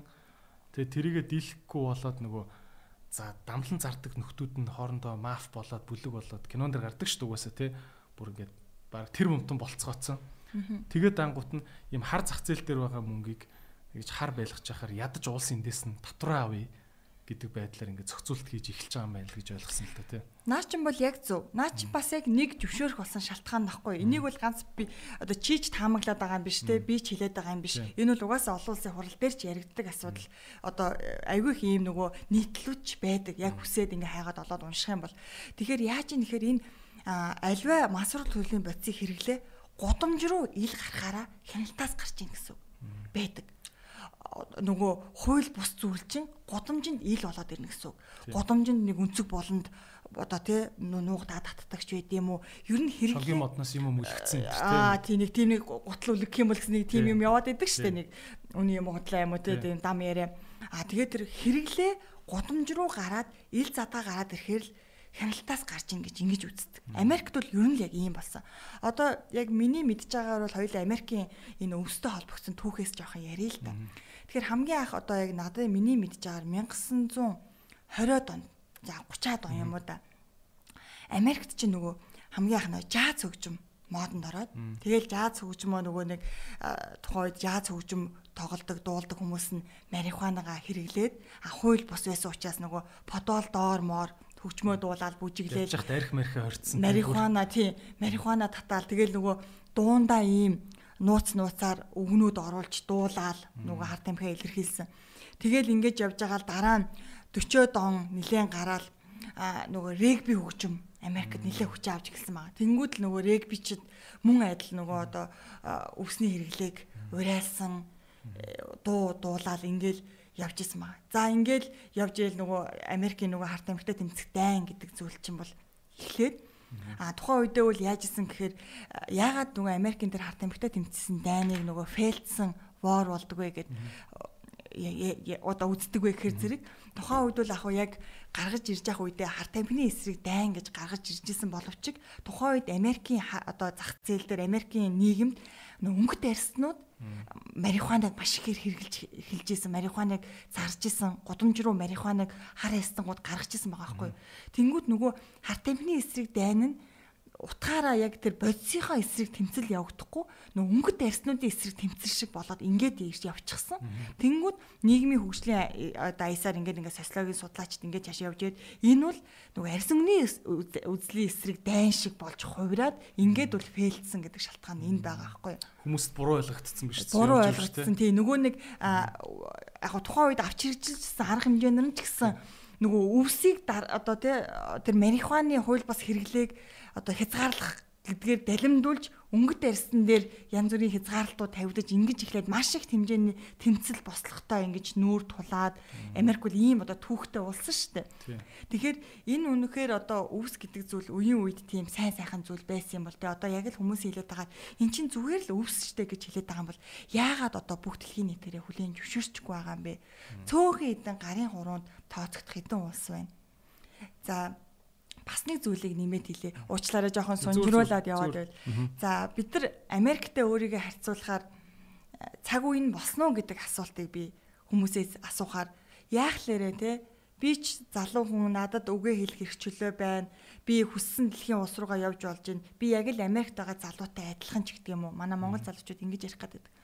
Гэтэл өнөөдөр бидний Америкийн нэгдсэн улсын одоо хүний хөгжлийн тэр цогц индекс гэдэг зүйл те. Хүний хөгжлийн индекс гэдэгт бол маш олон зүйл явж идэг. Тухайн улсын эрүүл мэндийн системийн тогтолцоо, өвчлөлийн байдал, боловсролын төвшин, боловсролын чанар, хүмүүсийн амьдралын чадвар, даашаа хоол хүнсний одоо одоо амин дэмнэлэг байдал гэд маш олон ийм зүйлүүдээр дэлхийн улс орнуудыг хүний хөгжлийн индекс гэдгээр нь жагсааж идэг нүүбээс гаргадаг хүний хөгжлийн индекс нүүбээс гаргадаг хүний хөгжлийн индекстэй а 2020 оны хүний хөгжлийн индекс сая 1 сард хэвлэгдсэн байсан. За тэрийг чи олж үзсэн үгүй. За тэрийг ингээд харахаар одоо нөгөө бидний сайхан барьцдаг те. Яахлаар Америк, Канадад гэдэг. Америк маань 17-д, Канад 16-д чигсэжсэн байна. Бид нар хэдэж чигсэжсэн гэхээр зэрэг бид нар 99-д чигсэж байгаа. Пүүх. За тэгсэн чи энд хичнээн уус орсон юм бэ гэсэн чи дэлхийн нэг нэгдсэн үндэсний байгууллагын одоо гишүүн 190 гаруй улс орсон байгаа. Аа тэрнээс нэг одоо яг бидний сайн мэдж байгаагаар нэг ганц хоёр улс бол хүний хөгжлийн индексийг тодорхойлж чадаагүй. Тухайлбал бүгд 8 дахь дард улс. Яагаад гэсэн мэдээлэл хаалттай. Эн чинь бол нөгөө нааны мэдээллээр гарахгүй шүү дээ. Маш юм нарийн ийм мэдээлэлээр ингэ явж байгаа. Тэгсэн энэ хүний хөгжлийн индекс 80 байрны доор байж бас тэнд болол шүү дээ. Манад яхаараа гэхэд бас хэцүү л байгаад байна тий. Тэгэхээр яг хөө бид нар бол харт амттай тэмцэх газрын алба паагчд бол яг энэ дэлхийд юу болоод байна? Нэгдсэн үндэсний байгууллага ямар шийдвэр гаргаад байна? Нэгдсэн үндэсний байгууллагын харт амттай тэмцэх алба юу болж байна? Америкийн нөхцөлөд яаж байна? Энэ бүх мэдээллийг бол бид нар авч идэг л да манадаар тусдаа нэгж байдаг. Энэ мэдээллийг аваад бид нар тарааж идэг. Одоо бидэрт мэдээлэлээр хангаж идэг ийм зүйл байнгын мэдээллүүдийг л авч идэг. Тэгэхээр сая нэг хэсэг э, чи бас харсан л 21 оны 1 сард өө канабисыг зөвшөөрчих гинэ. Конвенцээс хасчих ингээл ингээл нэлээд шуугсан штэ. А тийм нэг дэлхийн эрүүл мэндийн байгууллага канабисыг зөвшөөрсөн ч илүү нэг тийм пост нэг фэйсбુક юу явуулсан тий. Тэгэхээр тэр чинь юу байдгийг гэхээр зэрэг нэг ийм юм байдгийг. Одоо яг хүүхэд залуучууд ч бас энэ мэдээлэл аягүй хэрэгтэй байх гэж бодож байна. Мансууруулах эмийн тухай конвенц сэтгцэд нөлөөд бодисын тухай конвенц гэдэг нэгдсэн үндэсний байгууллагын юм хоёр том конвенц байгаа. Яг го бүр 1960 70-ад онд гарсан конвенц. Тэгвэл жил болгон апдейт хийж нөгөө чагсаалтанд шинжлэгдэж идэг. Энэ конвенцийн чагсаалтанд байгаа энэ энэ бодисууд мансууруулах төрлийн үйлчилгээтэй. Энэ энэ бодисууд сэтгцэд нөлөөд бодисын үйлчилгээтэй гэдэг ингээд конвенцаар хориглочихсон байна. Мансууруулах мансууруулах сэтгцэд нөлөөлөх гэдэг ингээд энэ хоёр үг чинь ингээ хоорондоо миний бодлоор ингээд андуурагтаад идэв юм санагдаад байгаа байхгүй. Аа ялгаа нь юу вэ? Одоо яг ялгаа нь бол энэ боцууд дараа нь л хувааж байгаа. Тодорхой хэмжээнд одоо нөгөө үйлчлэлээр нь тэгж хувааж байгаа байхгүй юу? Бодисынх нь нэршлэл гэсэн. Гэтэл зарим төрлийн бодис хоёулангийнх нь үйлчлэгийг үзүүлж идэг. Тодорхой хэмжээнд мансууруулах буюу нөгөө getting high болгох. Аа тэгээд нөгөө psychotropic буюу сэтгцэд нь нөлөөлөх үйлчлэгийг бас үзүүлдэг. Сэтгцэд нөлөөлөл гэдэг чинь тэнэгрэлийн эхлэл буюу нөгөө хамаарал тогтох энгийн хүн шиг бодож сэтгэх чадвар чинь алдагдана л гэсэн үг. Мансуурхын хажуугаар. Ялгаа нь ингэж ойлгож байна. Гэтэл одоо нөгөө окей эн чинь зүгээр л өвсгчтэй гэдэг байгаа тэр канабис чинь нормалны сэтгэх болно л гэсэн үг тийм. Тэр канабис чинь энэ мансууруулах эмийн тухай конвенцийн жагсаалтанд ч байдаг. Сэтгцэд нөлөөд бодсон жагсаалтанд ч байдаг. Аа сая 20 оны 12 сард нэгдсэн үндэсний байгууллагын хар тамхитай тэмцэх алба гишүүн улс орнуудтайгаа цахимаар хуралдаад дэлхийн эрүүл мэндийн байгууллагаас өгсөн зөвлөмжийг хэлэлцсэн байна. Канабис чинь нөгөө мансууруулах эмийн тухай конвенцийн 1 болон 4 дугаар жагсаалтанд байдаг байхгүй юу? За жигсаалтанд ингээд дөрвөн жигсаалт байдаг байх нь шүү дээ. Тэр нь ингээд энэ өвсний нөгөө нэг тетрагидра канабинол буюу THC чинь а болон CBD буюу каннабиноид гэдэг ерөнхий нөгөө өвснийхаа нөгөө бодисынхаа нэршлэрээ байж идэг. А дэлхийн эрүүл мэндийн байгууллагын зөвлөмжийг үндэслээд дөрөвдүгээр жигсаалтаас хассан. Гэвч нэгд нь хിവэр нь үлдээсэн. За нэгд нь ямар бодисууд байдгийг бэ гэхээр олон улсын хяналтанд байвал цохих бодисууд буюу ямар зорилгоор энэ дөрөвдүгээр жагсаалтаас хасаад нэгд нь хэвээрээ үлдээсэн бэ гэхээр зэрэг бүр үндслийг нь бол ингээд тодорхой бичиж өгсөн байгаа. За.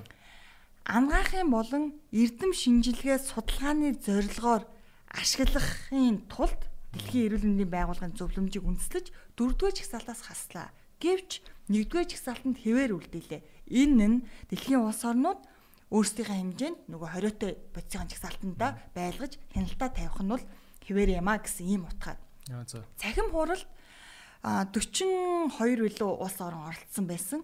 А 22 нь зөвшөөрч 20 татгалцсан байсан. А 21 зөвшөөрч 20 татгалцсан байсан. Нэг улс тутгалцсан байсан. А тэр нь бол Украин байсан. Тэгээ бараг тэнцүү байгаа байхгүй юу? Тэгэхээр энэ бол нэг л юм хилээд байгаа цаагаараа. Үнэхээр пожалуйста энэ бол окей зүйл байсан юм бол ийм одоо хэмжээний асуудал ярихдаггүй гэдэг дээр маш акцент өгөөсэй. Одоо хэвлэл мэдээллийн хэрэгслэр тодорхой олонний танил болчихсон хүмүүс ярьдаг штэ.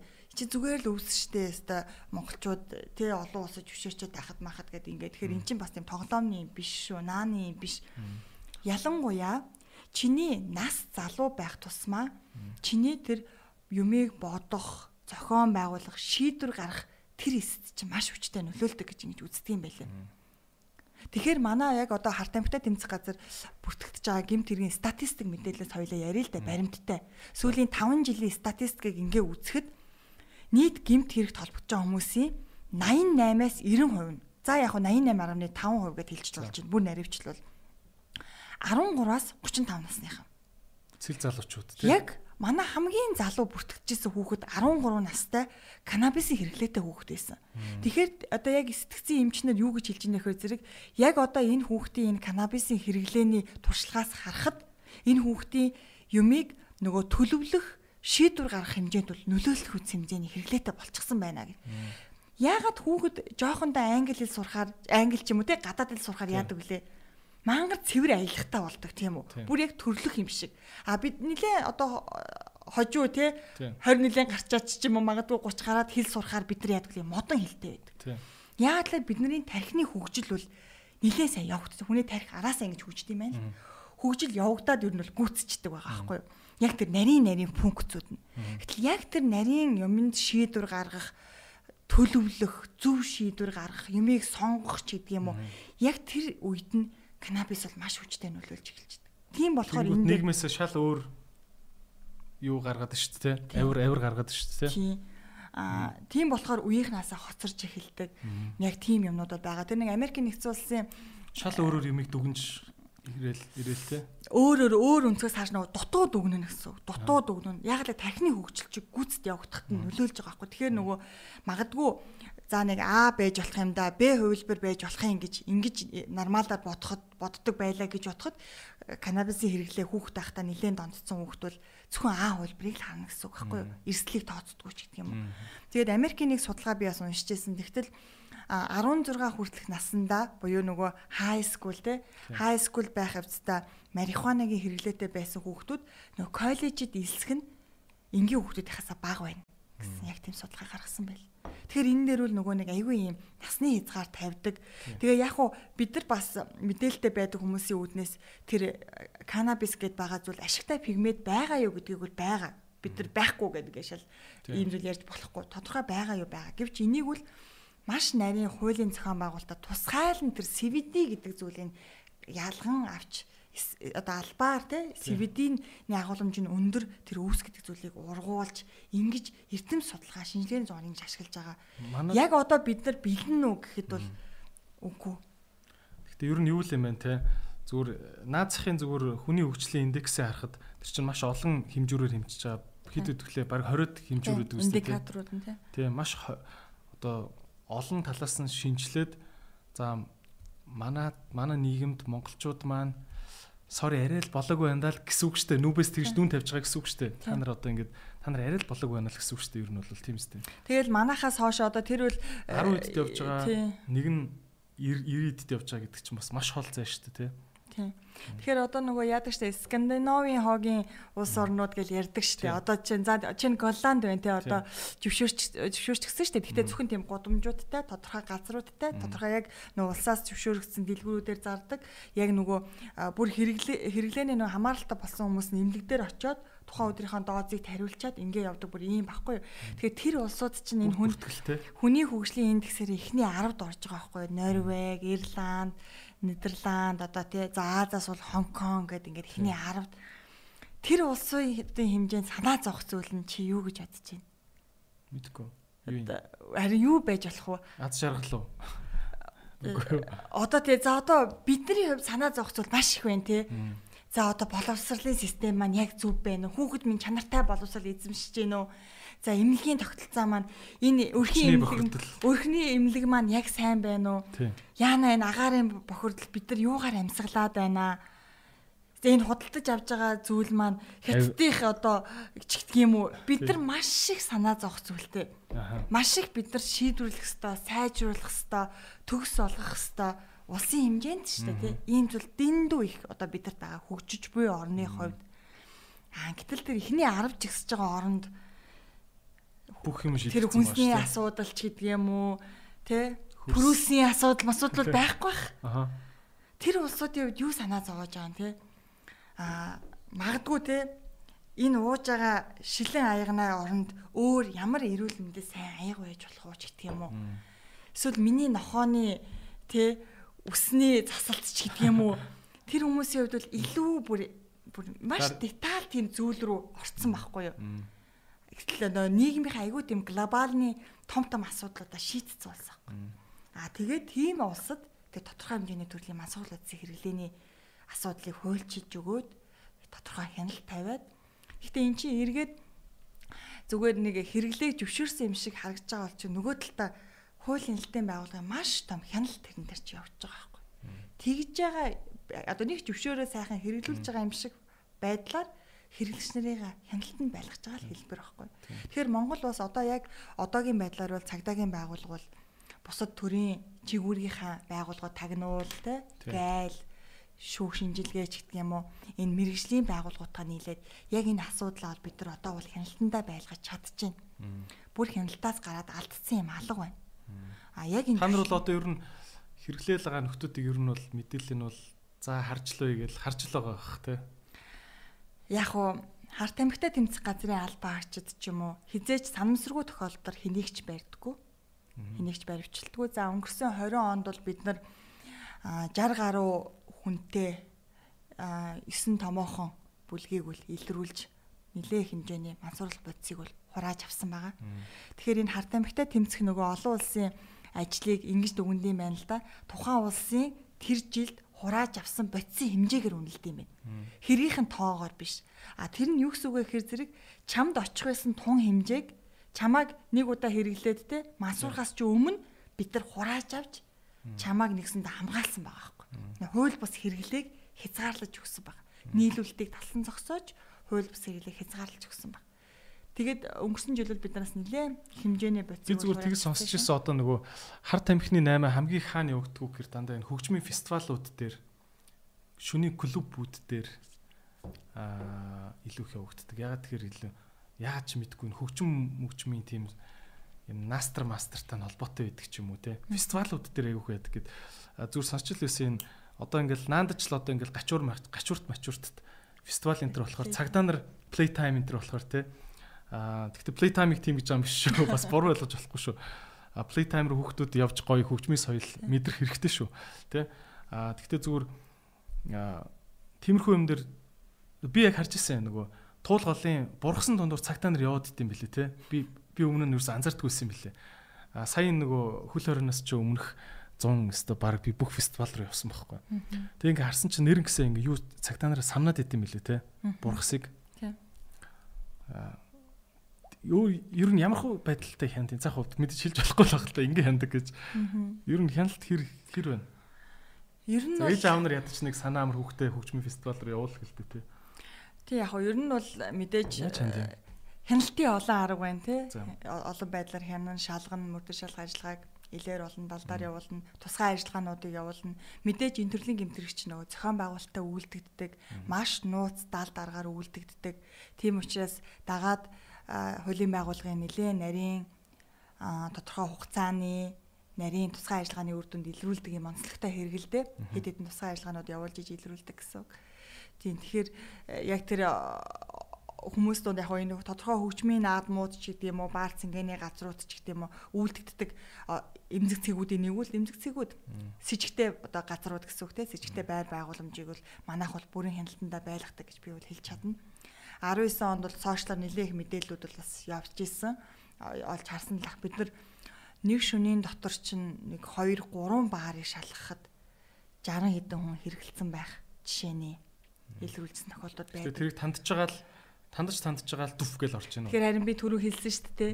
Хизээч бид нар санамсаргүй за өнөөдөр энийг шиг нэг орчт юм уу? Эднийг нэг шалгачт юм уу ч гэдэм юм уу? Тим юм бол байдаггүй.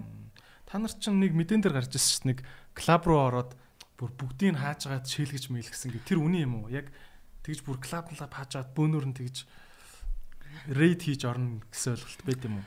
А яг хуу хяналт шалгалтыг бол янз бүрийн байдлаар явуулж болно. Энэ бол хуулийн хүрээнд цагдаагийн байгууллага нэгдсэн болон хэсэгчлсэн арга хэмжээний хүрээнд тодорхой объект руу нэвтрээд тэнд байгаа хүмүүсээс одоо хяналт шалгалтын ажиллагаа явуулах боломжтой явуулдаг. А өнгөрсөн 19 он одоо коронавигоос өмнө штэ 19 онд ч 20 онд ч гэсэн бид нар 20 оны 1 сарын цаас айрцсангуу гайгүй байсан штэ нийл хэдэ хэдэ дуудагийн яг баарыг бол шалгасан штэ. Тэрний үрээнд бол бас тодорхой хэрэгүүдийг бол бас илрүүлсэн гэсэн.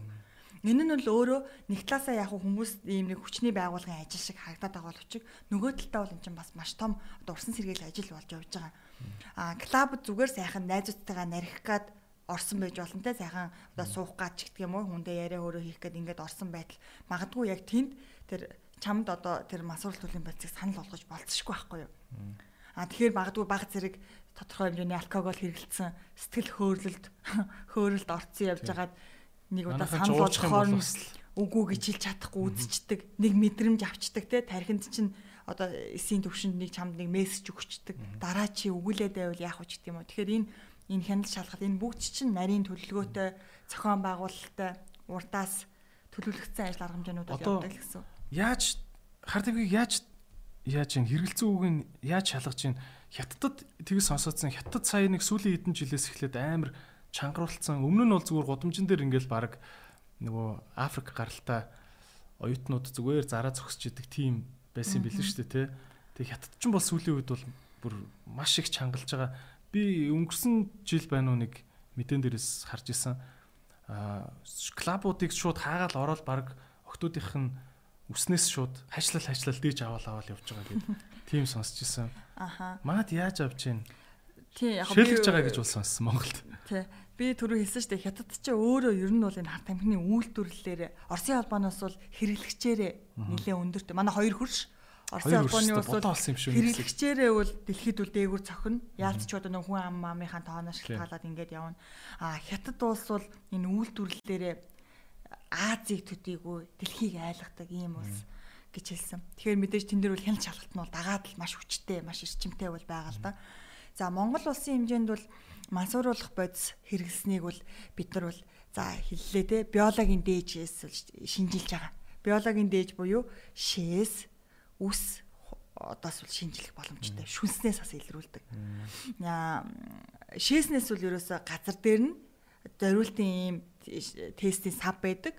Тэрийг өөрт нь өгөөд Ариун сав.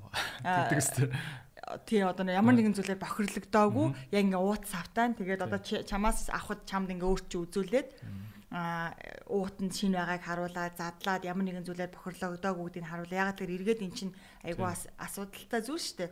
А ерөөсөө яаж болохгүй нэг удаагийн тийм тест гэсэн үг. Тэгээд шээлгээд биологийн дээж жоохон аваад тэгээд а 20-с 30 секундын дотор л илрүүлчихнэ гэсэн үг. Яг одоо цагдаагийн байгууллагт улс орон даяар бол илрүүлж байгаа. 10 илрүүлчт юм уу те? Ерөөсө 20-с 30 секундын дотор. Ерөөсө яг л жирэмсний тест. Жирэмсний тест чиг л гэсэн. Биологийн дээж нь яг ажилдаг зарчим нь яг тийм core system гэдэг юугаар ажилдаг систем зарчим нь яг адилхан гэсэн. Яг одоо улсын хэмжээнд хэрэгжилж байгаа тест бол 12 төрлийн. Монгол улсад одоо хамгийн түгээмэл бүртгэгдэж байгаа 12 төрлийн масурал байц хэрэгэлсэн эсхийг газар дээр нь шинжлэх боломжтой. А тест бол 99.9% ер нь бол 100% магадлалтай гэж би бол хэлж чадна. Гэхдээ тест нь өөрөө бол нөгөө шууд нотлохоор нь болдоггүй. Яг нөгөө жирэмсний тестээр хүмүүс үзчихэнгүүтээ давхар эход очиж харуулж ийж эцсийн байдлаар ядахтаа яг адилхан биологийн дээж авлаа. Тийм үү. Биологийн дээж авангуудаа нөгөө шүүх шинжилгээний үндэсний хүрээлэн рүү явуулаад химийн шинжилгээ хийгээд шээсэн чи химийн шинжилгээ хийгээд яг нөгөө илрүүлдэг гэсэн. Аа давхар баталт юм тий. Юун дээр монголчууд үснээс тест авт юм уу? Үснээс бас авч байна. Аха. Ер нь одоо ингээд танаа албаныхан болвол айгүй олон олон улсын тэгэл мэрэгчлэтнүүдтэй ингээл байнга л нов хавга солилцдог байлгүй тий. Ер нь одоо ингээд Монгол бол яг хар тамхи гэдэг сэдвээр бол Монгол бол яалтчгүй бусад бүх орныхаа одоо хамгийн жоохон дүн штэ ер нь бол тий. Одоо хятад ч юм бол одоо бурхан минь хар тамхинаас болж бүр дайн хийжсэн улс штэ тий. Аа Америк ч гэсэн бол одоо бүр одоо амар төвхтэй үстэй энэ ч одоо. Тэгэхээр олон улсын мэрэгчлэтнүүд юу гэж захиж яах юм? Одоо юу гэж хэлэх үү одоо? Ямар ямар гол гол мессежийг яг Монгол оронд зориулж хэлж байна. Аа тийм. Тэгэхээр нөгөө урдны асуултыг дуусгачих те үгсийг ярьсан те. Үснээс бол манайх нөгөө ийм байгаа мансууруулах юм сэтгцэд нөлөөд бодисын хууль бус эрхлэлтэй тэмцэх үндэсний хөтөлбөр гэдэг 2017 онд манай Монгол бас баталсан байхгүй юу. За үндэсний хөтөлбөр гэж юу вэ гэж бас хүмүүс бас зарим сайн ойлгохгүй ч магадгүй те. Үндэсний хөтөлбөр гэхээр төрийн одоо чиг үүргийн байгууллагууд энэ тухайн асуудалтай тэмцэхийн тулд яг юу юу хийх ёстой бэ гэдэг ажлыг нэгтээд ингээ батцсан ийм үндэсний хөтөлбөр байж идэг гэсэн үг. За энэ хөтөлбөрийн хүрээнд бол шүүх шинжилгээний үндэсний хүрээлэн дээр маш сүүлийн лабораторийг бол бид нар байгуулсан байгаа. Нөгөө зарим тохиолдолд хүний биеэс нөгөө биологийн дэ жишээс гардаггүй нөгөө мансууруулах төрлийн бодисын нэлээд удаан хэрэглэнээсээ болоод нөгөө эрдэс бодисын дутагдлалд ороод хичнээн литр ус уусан ч шээхгүй тохиолдол гардаг.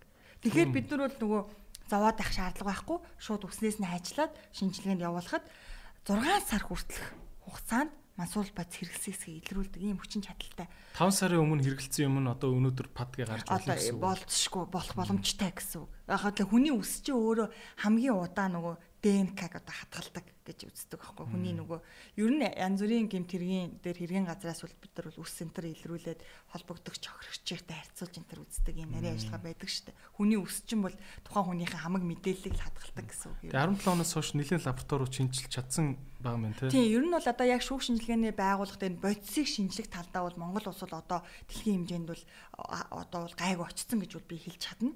Аа манай газар дээрээ ч гэсэн нөгөө масуул бодисыг шинжилгээнд явуулна гэдэг чинь тодорхой хугацаа шаардах гэдэг шүү. Тэрнээсээ өмнө шууд газар дээр нь шинжилдэг нэлээд сүүлийн үеийн техник хэрэгслүүдтэй бол болсон байгаа. Тэрийг одоо яг ажилдаа ашиглахад ч гэсэн маш дөхөн байдаг. Хуучин нөгөө допингийн хэрэг мэрэг гэл болдог байсан шүү дээ. Тэ одоо ялангуяа бөхчүүдэд нөгөө тариад тарцсан байна гэл тэн дээр чин шинжилгээгээ солонгос руу явуулсан хүлээж байгаа мүлээж байгаа гэж тэгдэг байсан шүү дээ. Тийм тэр бол одоо яг тэр допингийн тийм асуудал нь бол шинжилгээ нь одоо яг тэнд хийд юм уу яа одоо хэрэг дээр бол бид нар шүүх шинжилгээний үндэсний хөрөлтөнд хамтраад ингэ явчихдаг байгаа шүү дээ.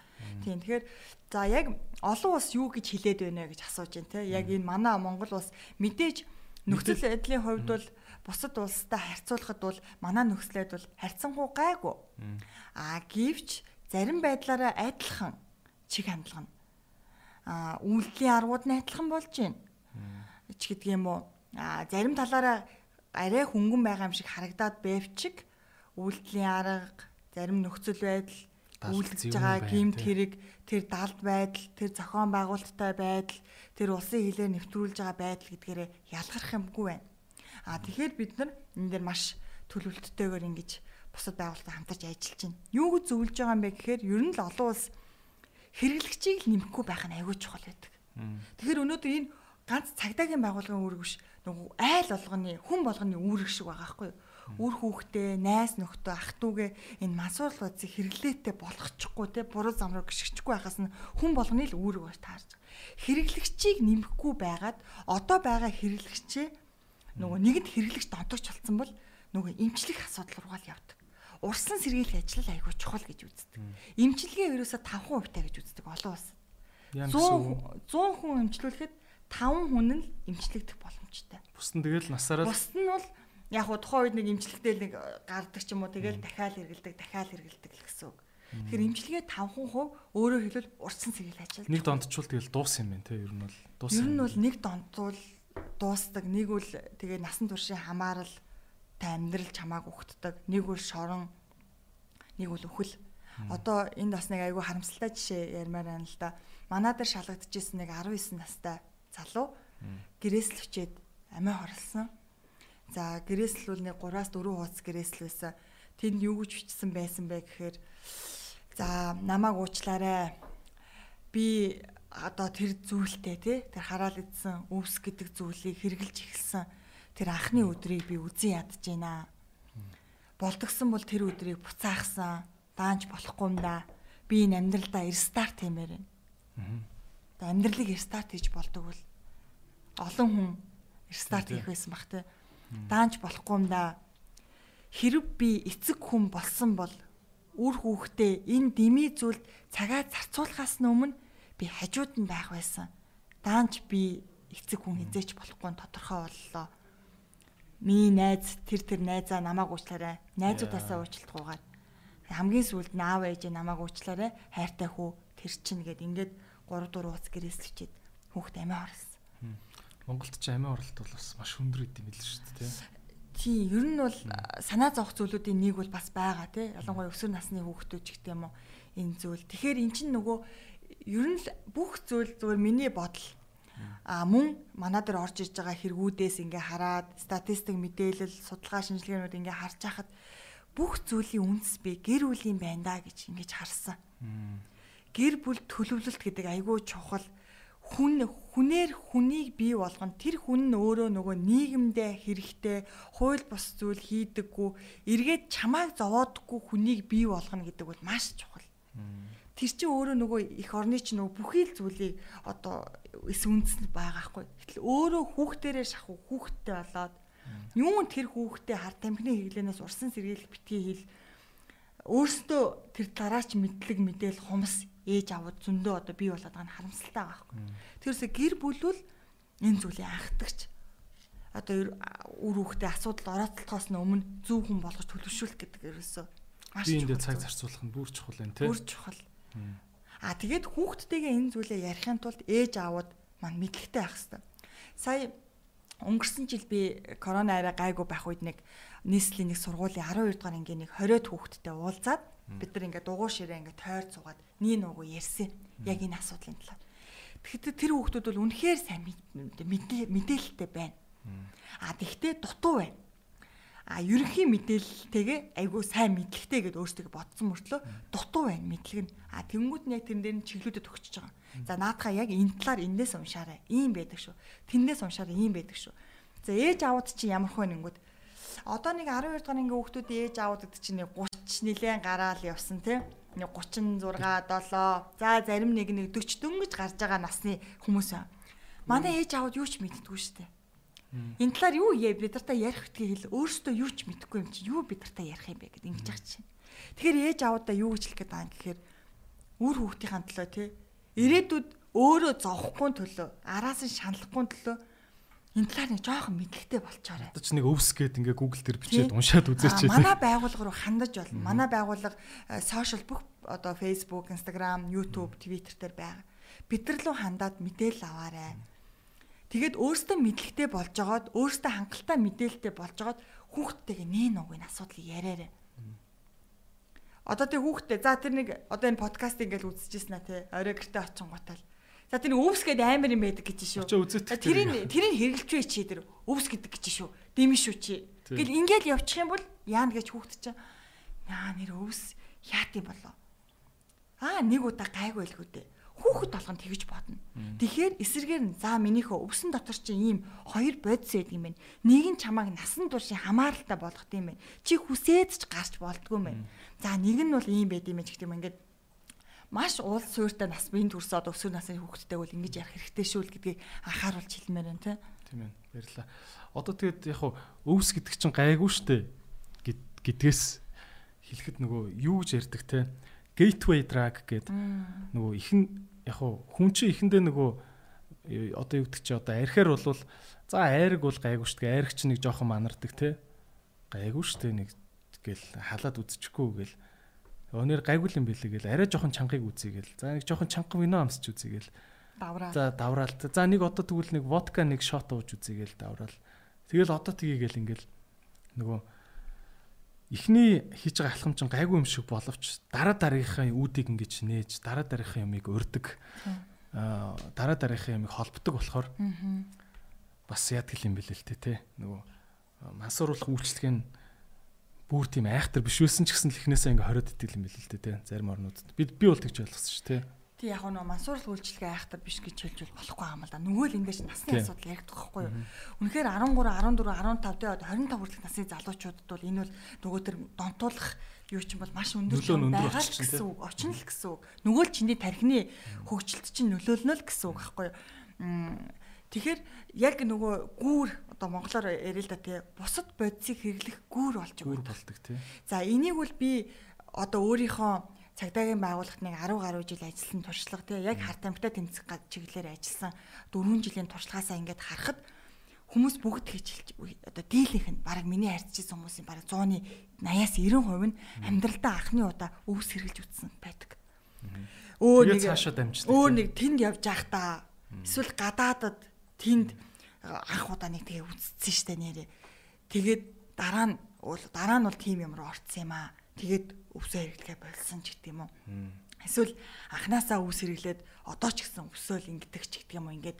Тэгэхээр яг нөгөө өөр нэг удаа хэрэглээд нэг тодорхой хэмжээний нэг хүнд нэг тархинд мессеж шууд нэг мэдрэмж авдаг юм байна л. Тэгээд яадаг байх нь нөгөө хүний биеийнхаа физиологийн онцгоосоо шалтгаалаад хүн болгонд нөгөө нэг дахин хэрэглэх тэр хамаарал төр хэсэг нь харилцан ялгаатай байх нь. Тэнгүүт оо гайг байсан штэ. Чи тийм үү. За тэрнээс нэг тийм санагдсан.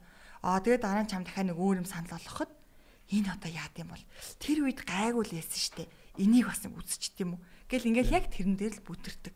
Тэгэл айс санал болгоход нь хэрэгжилж үзээч ч гэдэг юм уу. Ер нь нэг удаагийн хэрэглээгээр ч донтогч болох магадлал маш өндөр гэж бол яг айс дээр бол хэлж байгаа байхгүй юу. Тийм ээ. Айс гэдэг ч одоо нөгөө Мөс буюу метамфетамин, амфетамин гэх сэтгцэд нөлөөлт бодисын агуулмжтай. тэр чи одоо бүр химийн гаралтай бүр хамгийн алуурчин амар нь гэвстэй тий. Одоо яг маш дэлхийн хэмжээнд бол маш олон төрлийн маш дэлхийн хэмжээнд бол маш олон төрлийн энэ химийн гаралтай хүчтэй бодисууд байна л да. Яг одоо Монгол улсад хамгийн түгээмэл байгаа синтетик буюу химийн гаралтай бодис бол айс байна. Нэг удаагийн хэрэглээгээрч насан туршийн хамаарал үүсгэх чадвартай хүний бүх одоо нөгөө эд хэрэгтэнд очиж гимтэл учруулж идэг нөхөн төлжүүлэхгүйгээр гэж байгаа. Одоо ямар нэгэн өвчний улмаас хүний тархины эс ч гэдэг юм уу одоо тий бөөрөнд ч гэдэг юм уу зүрхэнд ч гэдэг юм уу нэг тодорхой хэмжээний өөрчлөлт ороод нөгөө химийн эмчилгээ, физик эмчилгээ ч гэдэг юм уу ингээ Тийм. эмийн эмчилгээ хийгээд тэр эс сэрэгдэг юм байна л да. Одоо хуучин үхчээд сэрэгдэг ч гэдэг юм уу. А энэ синтетик төрлийн харт амхны төрлийн бодисын хэрэглээний улмаас үхчихсэн эд эсвэл дахиж төлждгүү. Яг энэний бодит жишээ байгаа. На би нэг 22 настай охин шалгаж ирсэн. Тэгээ нөгөө хэрэг ингээ шалгаж явах хавцад нөгөөдгий чинь очоод цагдаа ойрох байранд төр саатуулж исэн. Тэгээ надаас би нэг тэр охин бол мөсний хэрэглээтэй нэг 3 4 сар болчихсон байсан охин. Та намайг нэг шүдний эмчд үзүүлээд өгөөч гэгээд. Үгүй чи одоо энэ хэрэг төгөг чинь ингээ байж хаад хоёул одоо яаж имлэг имлэг болох юм бэ? Дараа нь болохгүй даа гэсэн чинь. Үгүй би одоо нэг угаасаа би ер нь бол хорих хаал авах нь ер нь тодорхой байхаа. Би шоронд орохоос өмнө би шүдэн янзлуулчаад ормоор байна. Тэгвэл миний ингээ бүх шүд хөдөлсөн гэв. Тэгээд чи 22 3 настай охины шүд гэдэг чинь бол харьцангуй гайг байх хэрэгтэй байхгүй. Тэгэхэд ингээ бүх шүд нь ингээ хөдөл бүх шүдний амар амны хүндээ амар асуудалтай болцсон. Нэг Хоёрд нь цагтаа бол ингээд сайхан бас царай зүстэй ийм эмхтэй байсан бол нэг одоо хорчиж харалсан те монголчууд нэг ярьдаг шүү дээ үнсэн саарал юм болцсон гэж Тийм. ярьдаг. Яг нэг тийм тэгээ нэг Ухаарцсан, тийм. сүн сүү- сүүдэр нь зайлцсан гэж одоо ярьдаг Тийм. шүү. Ер нь бол энэ сэргээшин төрлийн одоо синтетик химийн гаралтай бодвол хүний хамаг л ашигтай тэр эрдэс бодисыг шимжидэг гэсэн хүнээс. Тэгэл химийн цэвэр октод чинь яа гэм шүү ихэнх ихэндээ нөгөө оо яасан чинь амар гой турчлаа энэ төр гэж мэгээд бодчих тийм шүү те. а эсэргээрээ байдэн штэ. Зарим охтууд бол маш их таргалдаг. Бүр үнэхээр жин нэмчихсэн айсын хэрэглээний улмаас бүр жин нэмсэн. Бүр асуудлууд нь бүр нэмэгдээд нэг асуудлаа шийднэ гэж бодоод нөх хөнгөмсгөр найдаад нөгөө нэг удаа хэрэглэхэд гайгүй гэсэн хуурамч мессежэндээ итгээд ганцхан удаа хэрэглээд нэг гэн асуудал байсан те биеийн жингийн асуудал байсан. Хэрэглээд маш олон асуудал болсон байхгүй. Нэгдүгээр эдийн засгийн асуудал гарч ирнэ. Хоёрдугаарт эрүүл мэндийн асуудал гарч ирнэ. Найз нөхдийн асуудал гарч ирнэ. За тэгэл ингээл өчнөө асууд. Тэр чин чин тэгээ нөө хууль бус юм чи яах юм? Байнга нуугдана. Сэтгэл зүйн асуудал байнга. Тэр нууцын хин нэгэн мэдчихвэл тэрэн дээр нь шууд бадчихдээ юм шүү те. Ер нь бол За би чамайг цагтаад өгнө шүү. Үгүй бол зүгээр хурж ирээд нэг яагаадах. эдрээ Монгол ч бас жижигхэн те. Тий. Яадаг үлээ хоёлаа жоохон ингээл яриад суугаал ирэхээрээ юу болчих гээд байдаг үлээ. Хамаатан болон тий. хамаатан болчих гээд байдаг. Монгол бас жижигхэн тийм тийм болохоор ерөөхдөө яг уу янз бүрийн л байдаг. Зарим нэг хүмүүс бол үнэхээр тэр хүндээ санаа зовоод бүр айхтар донтогч болчихоос өмнө эртхэн гаргаад авъя гэд хандагч тохиолдол байдаг. Аа өөр зорилгоорч цагдаагийн байгуул мэдээлэх тохиолдол байдаг. Тэгэхээр бол хэрэглэгч нарыг би ингэж ойлгосон шүү дээ. Аа одоо ингээл яаж штэ ер нь иймэрхүү юм байгаа даа штэ. Чиний булайг чинь дэлгэн шүү. Бичлэгч нь байгаа шүү. Тэ? Одоо энэ нөгөө Америкт яг би ихвчлэн Америкийн л юм уншдаг болохоор жишээ аваад байгаа шүү за. Аа нэг тийм нөгөө revenge porn энэ гэж ярьдэн шүү дээ. Тэ нөгөө залуу жоох охтуудыг яатсан те үерхэж байгаа л бичлэг мишлэгийг хийгээл тэгэнгүүтээс та тэр чинь тэр чинь дэлгэн шүү ээж аав руу чинь явуул шүү гэдэг шиг ингээл янз бүрийн хар тамхи хэрэглүүлчингүүтээ зург мургийг авцсан ч юм уу те энийг чинь дэлгэн шүүгээл тэрүүгээр нь барьцаалж ингээд амар юм нууц байлгаж айгүй хохироодаг тийм байт юм л шүү дээ ер нь бол Монгол тиймэрхүү бодвол гарсан л ба шүү дээ айгүй том эрсдлийг дагуулж идэг энэ зүйлтэй. Нэгэн удаагийн залуучууд ийм хөнгөмсгөр найдчихдаг байхгүй тий нэг удаагийн ийм шоун дээрээс ч гэдэг юм уу нэг удаагийн найзынхаа төрсөн өдөр дээрээс ч гэдэг юм уу. Эсвэл нэг жоохон сэтгэлээр унтсан явж идэл нэг сайн ах гарч ирдэг ч юм уу тий. Сайн найз гарч ирдэг ч юм уу.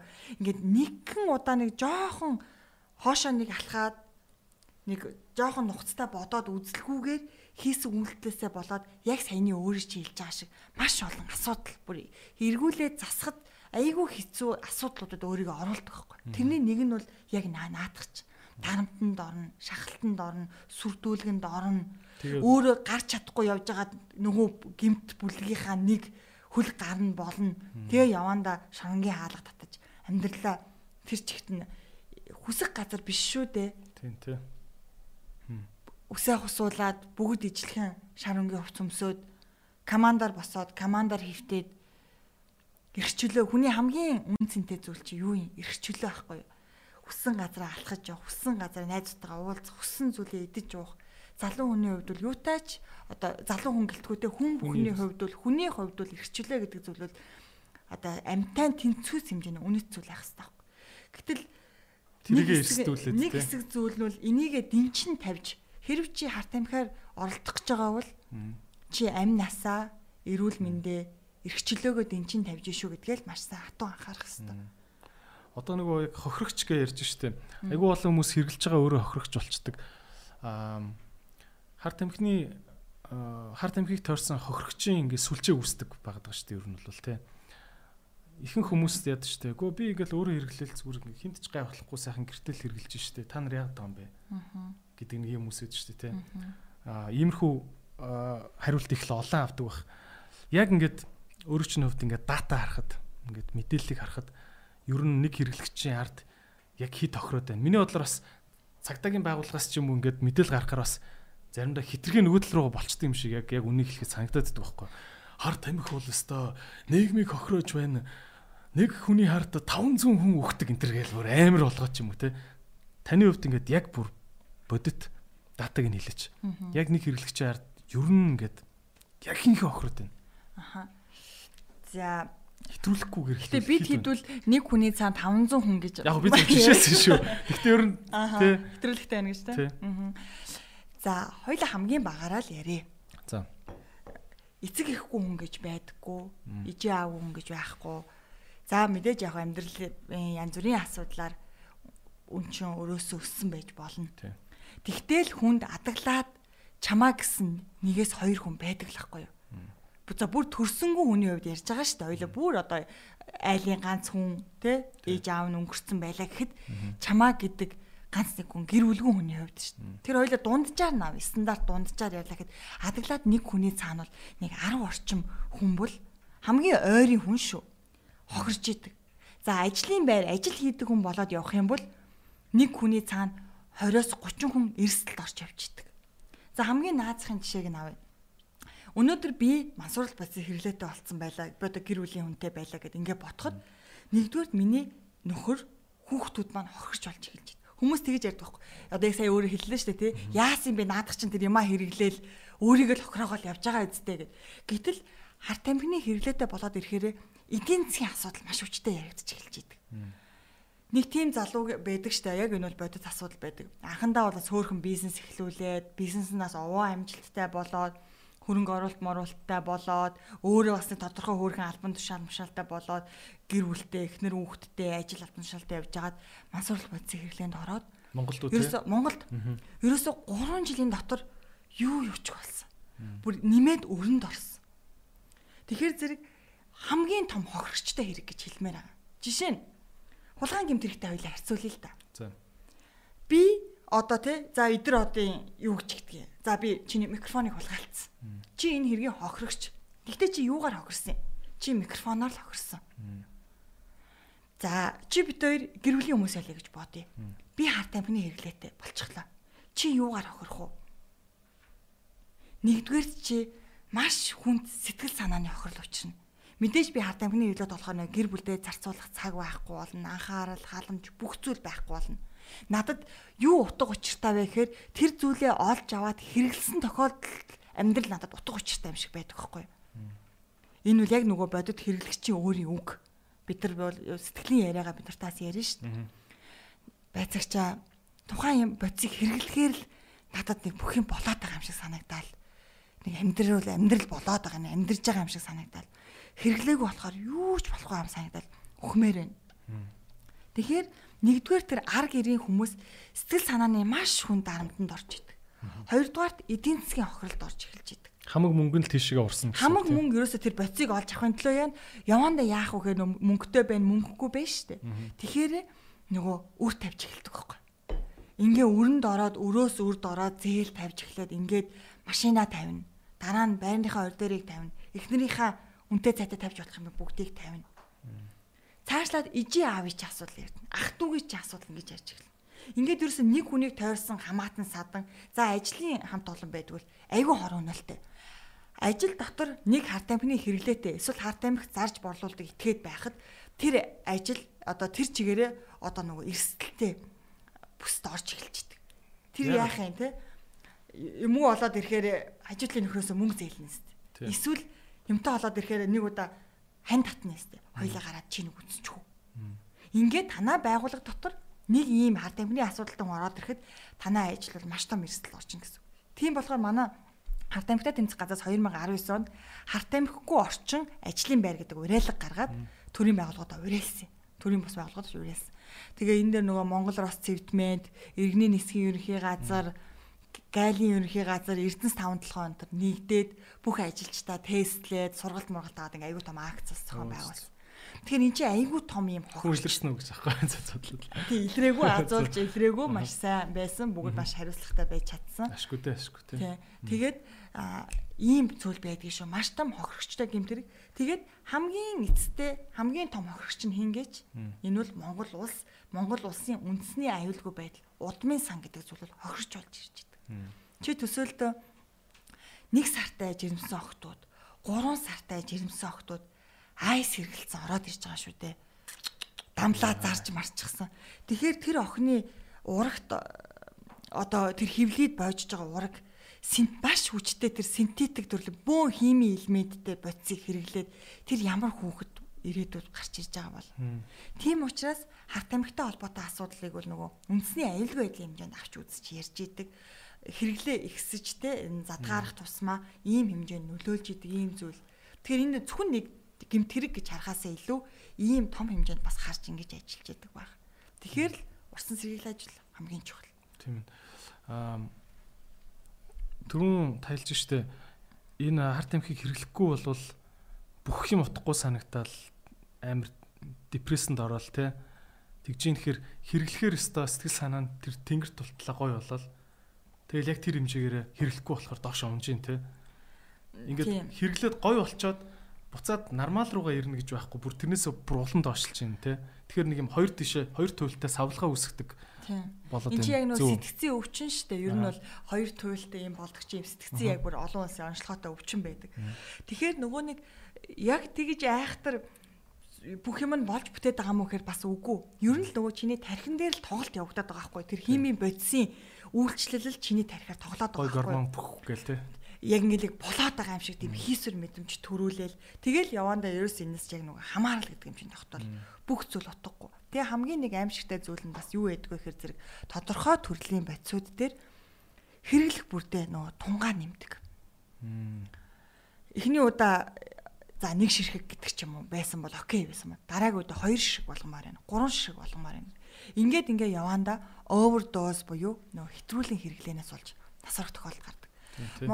Яг бодит жишээ яриа л да нөгөө бид нар магадгүй кинон дээр л харж исэн бах те нөгөө овердоз болоод насарчлаа гэж жишээ нь одоо Холливуудын дуудч гэдэг юм уу? Ядаг тий одоо өө нөгөө дуучин хин чин жүжигчин тэр чин өвди болоод одоо овердозыг тэгж яриад байгаа юм л да. Өвди болчих гинэ гэлгээд бид нар Америкийн мэдэн дээрээс олон улсын мэдэн дээр сонсчихсан болохоос Монгол залуучууд ийм болохыг бид нараас үзлээ шүү дээ.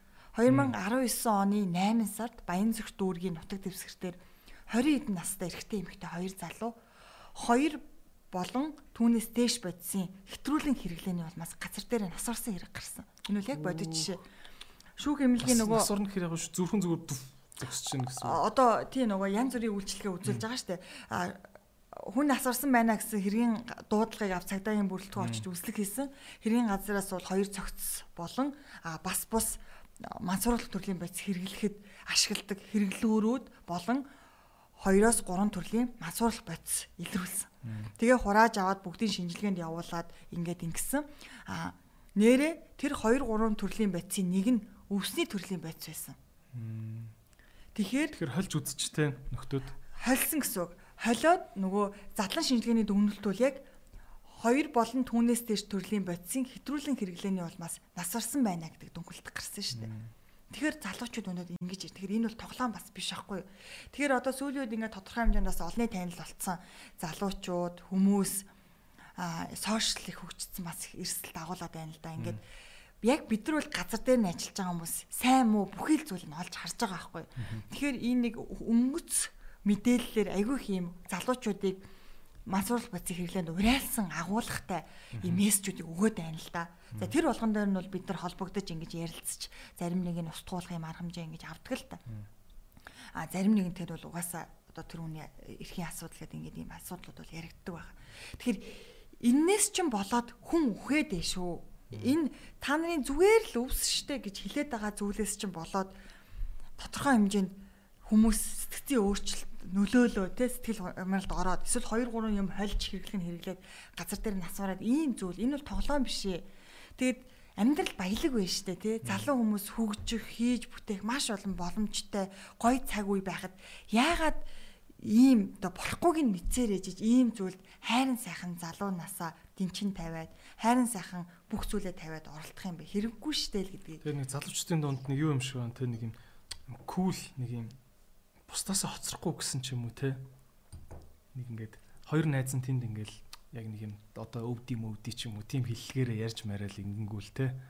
Тэнгүүд нэг нь ч бас нэг дутчгааргүй юм шиг санагдал. Нэг иймэрхүү юм үсэд тийм шээ. Соёлын те? Тий. Яг уу нөгөө нэг урлаг одоо барууны уран гэл ярьдаг те барууныхан гэл ингээл ярьж байгаа. Одоо Европ руу ч гэдэг за Америк, Канада ч гэдэг ингээ яхаар нөгөө энэ марихуаныгийн тодорх марихуанч биш одоо хоёул аюух марихуаны аюух ярьчлаа. Ер нь харт амх гэдээ ярьчих. Харт амхны хэрэглээ нь урлагийн урлагаа дагаж ингэж яваад байгаа. Одоо репрут ч гэдэг юм уу тухайн үед одоо од болж байгаа дуучтан ч юм уу дуу муугаараа илэрх хэлэл ингээл гарчаа. Тэнгүүд залуучууд чинь тэр хөгжмийг сонсож байгаа залуучуудын vibe болоод байгаа байхгүй. Тэр хөгжмийг сонсож байгаа залуучууд даган дуурайгаад нэг дээвэр доор нэг зүйлээр амьсгалах гэдэг нь шүү дээ. Ингээд жоохон хөөрөгдөд байдаг гэсэн үг. Тийм болохоор манай урлаг соёлынхан ч гэсэн энэ зүйл дээр бол бас анхааралтай хандах хэрэгтэй. Заавал ягаа бид нар энэ бусад улсын алдсан туршлага дээр дахиж бүтрэх хэрэгтэй юм бэ тийм үстэй. Тэгэхээр хэрэггүй зүйл бол хэрэггүй л гэдэг зүйлийг бол дагаж л явж явах хэрэгтэй. Аа тэр бол нэхгүй л хайтгаа ер нь бол болцсон шүү дээ тий. А нэг нэг даган дуурайж байгаа юм. Тамхи татж байгаа залуучууд чинь магадгүй 90-ад оны үеэс ч юм 2000-ад оны ихээр тамхи татж байгаа хүн одоо их гоё ч юм уу харагддаг ч байсан юм одоо яадаг ч одоо бол сайхан сайхан залуу ах нар одоо бол тамхи татдаг хүмүүс айгүй муухай харагддаг шүү дээ. Ер нь бол ялангуяа одоо эмэгтэй хүмүүс бас тий тамхи татж байгаа эмэгтэй маш муухай харагддаг. Тэрэн шиг нэг тийм тодорхой хэмжээний ямар нэгэн бодис хэрглэж байгаа юм бол огт гоё харагддаг. Үнэхээр муухай царай муутай харагддаг. Маш бүдүүлэг харагддаг тий. Тэгэхээр тэр бол моднаас гарцсан шүү залуучуудаа гэж. Инфлюенсерүүд бас тэгээд идэг болсон билээ. Аа нөгөө ер нь бол бас энэ Гэхдээ яг одоо сайн ингээл Netflix дээр нөгөө BIG те BIG-ийн аа юг үзлээ л дээ баримтат киног нь амьдралын. Тэгэхэд бол нөхөр бол яалчгүй одоо өөрөө айгу юу өсвөр насн дээр байхдаа тэр авийнхаа гудамжны ах нартаа ингээд уруудтагдаад өөрөө ингээд тэдний гар үл болоод ингээд гудамжин дээр яг л хар тамхи зардаг байсан баахгүй. Тэгээ хар тамхи зардаг байжгаад тэрийгэ бол болоод тийм үү одоо зар зархаа ядаж болоод тэгээд одоо хэрэгэлдэг хэврэлсэн багталтаа бодвол тэгэнгүүтээ хөгжмийн ертөнц рүү ороод тэгээд дуулахтаа одоо тэр ертөнцийн тал маллаар амар дуулдаг гэсэн байгаа байхгүй. Аа тэгэнгүүт манад бол нэг яг үндэ тийм одоо Америкт байгаа жиг харуудын амьдрал гэдэг шүү дээ те. Яг тийм амьдрал нь байхгүй байхад тэрийг заавал ингэж гаргаж ирж дуулах бас шаардлагагүй юм шиг байна те. Тэгтээ маад бас гайгүй л те. Нэг тэгээд л үүстэй. Урлаг соёлыг бол хүндэтгэх нь а орчин үеийн хөгжмийн урсгал энэ зүйл хөгжих ёстой байх ёстой урлагаараа дамжуулж хэлэх үгээ хэлэх нь угаасаа байх ёстой зүйл арчилсан нийгэмд а гэвч энэ дээр жоохон цензуртай хандхыг л хүсэж байгаа а нэгэнт Монгол улсад амьдарч байгаа бид нар нэг л дээвэр доор амьдарч байгаа бол хэн бугаач байсан та тухайн улсын хуулийн захирагдах л ёстой. Мансууруулах сэтгцэд нөлөөд бодисын хэрэглээг сурчилсан альва уран бүтээлийг бол олон нийтийн хэвлэлээс гарахгүй л байх хуулийн заалтанд байгаа шүү дээ. Тийм тийм болохоор энийг бол дагаж мөртгөл ёстой. А хэлсээр байтал удаа дараа энэ зүйлийг хийгээд байвал тантай хуулийн хариуцлага ярихаас л өөр үгээ хэлж байгаа нь энэ эрхчлөөгөө эдэлж байгаа нь энэ гээд амныхаа хэмжээгээр яриад иж болохгүй л дээ энд чинь төрийн байгууллага гэж байна. Тодорхой хэмжээнд тэр чинь хязгаарлалдаг. Гэтэ тэнд ингээд хохирчиж болох бас мас байгаад байна тий. Хохирох мас тэнд чинь ямар цензургүйгээр шууд хэслэр нь тархиндаа хүлээж аваад үнэн юм шиг хариу урал үзүүлээд хариу реакц үзүүлээд хариу үйлдэл хийж байгаа маш их бүлэг байгаа байхгүй юу. Тэгэхээр ингээл хараад хахад зөв юу юм шиг байна тий. Явж явж бүх бүх нийтийн бүх нийтийн шинжлэх ухааны боловсрал маш доороос маш сайн явахгүй болвол тий Тэгээ шинжлэх ухаан гэхээр хоёулын амар том юм яаж ингэ бодчих магадгүй. Одоо ядаж хим биолог те. Тий, ерөнхийдөө нэг ийм байгаа. Бүр ийм нэг суур хүний хүмүүжил гэж байдаг юм байна. Би чамд нэг жишээ ярьж өгье. Манай дээр нэг 5 6 банд орж ирвэ. 16, 17, 18 та илүүтэй ингээд оо ингээ янз янзын бод сэргэлэх нь хэрэглээд ингээд хадгалах нь хадгалаад нэгэндээ зархан зараад ингэсэн 5 6 ороод ирсэн. Бүгдийн шалгасан чинь нэг хүүхэд нь тэр дунд цэвэр цэв цэвэрхэн огт юу ч хэрэглээгүй эсэргээрээ нөгөөдүүлгээ болиулсан байдаг хөөхгүй. Бойл наадах чинь буруу яах гээд байгаа. Та нартай найзлахаа боллоо моллоо гэл тэмцсэн байдаг хөөхгүй нэг нь. Тэгээ надад тэр хүүхэд аягүй сонирхолтой санагдаад би өрөөндөө дуудаад уулцсан. Мэдээ ингээ чи аягүй зөв шийдвэр гаргасан байна. Ингээ хууль бус зүйлийг чи ингэсэн байна. Тэг чи эн чи ингээ чиний бүр багын найзууд юм биш үү? Чи яагаад автаагүй юм бэ те? Нөгөөдөл нь зөндөө үтсэн байгаа. Ээ чи ганц ингэчээж мэгсэн чинь үгүй гэд ингээд хэрэглээг ба. Тэг чи яагаад ингэсэн юм? Чамд ингээ хэцүү байгаагүй юу? Чамд үгүй гэж хэлэх хэцүү байсан уу?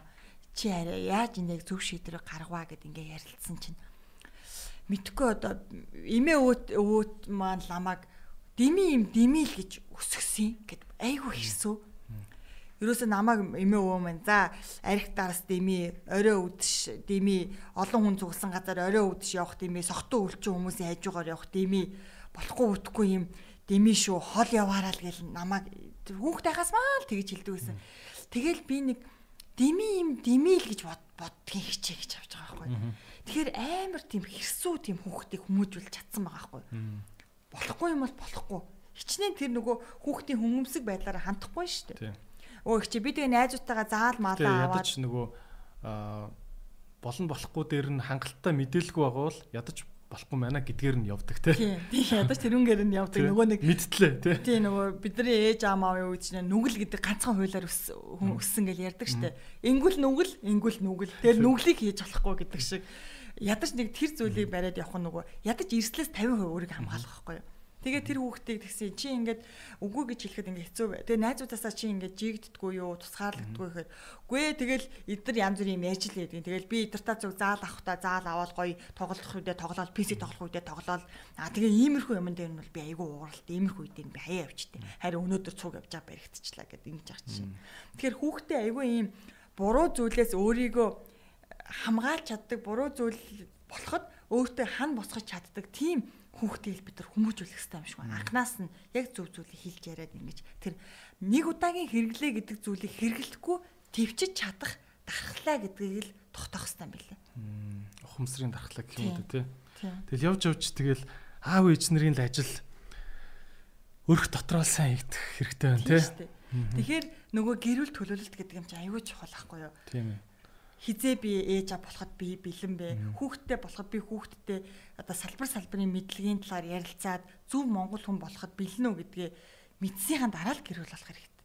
Тэгээд аа бас нэг сонирхолтой статистик байгаа шүү дээ. Харамсалтай ч юм уу сонирхолтой гэж хэлж аваа болохгүй хаа. Харамсалтай. Аа гимтрэгт холбогдож байгаа хүмүүсийн бас нэлээд их хувийг 60 70 орчим хувийг нэг бол одоо бүтэн үнчин, нэг бол хагас үнчин, эсвэл ээж аав нь гадаадад байдаг. Эсвэл одоо ээж аав нь байдаг мөртлөө тусдаа эмээ өвөө дээрээ байдаг ч юм уу.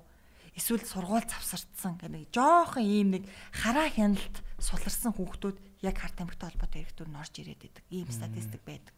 Тэгэхээр энэ бас нэг юм хилээл байгаа. Тийм ээ тий. Нэг удаа нэг 12 3 хүүхэд залуучууд орж ирж итэл 10 нь хагас унч хүүхэд байсан шүү дээ.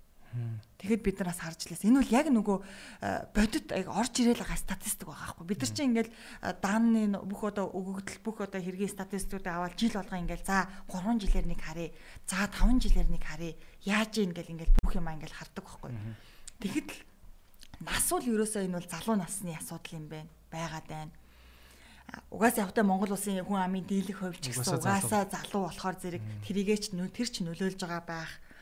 Хоёрдугаарт боловсролын төвшөнд хамаарахгүй байна. Сонин статистик шүү.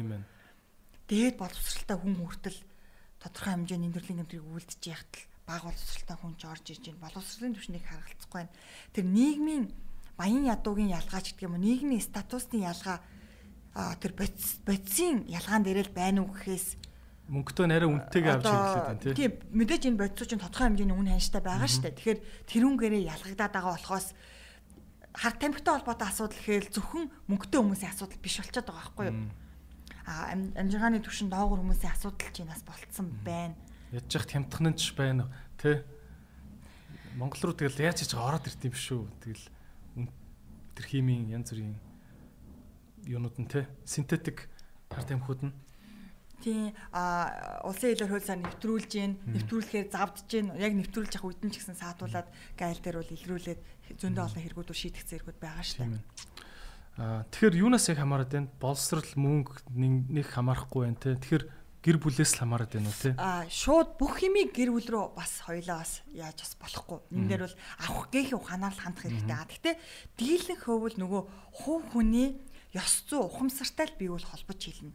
А хөлсөө урсгаад хөдөлмөрлөөд тийм ээ ямар нэг газар ороод өста харуулаас нь өксүүлээд албан тушаал дахиад менежер болоод ажиллаад хүн шударгаар хөдөлмөрлөөд олсон мөнгөөр амьдрах уг нь их амттай хамгийн сайхан байдаг. Эргээд чи тэрийг хязгаарч алдахгүй уг нь бол амьдрал ахгүй юу.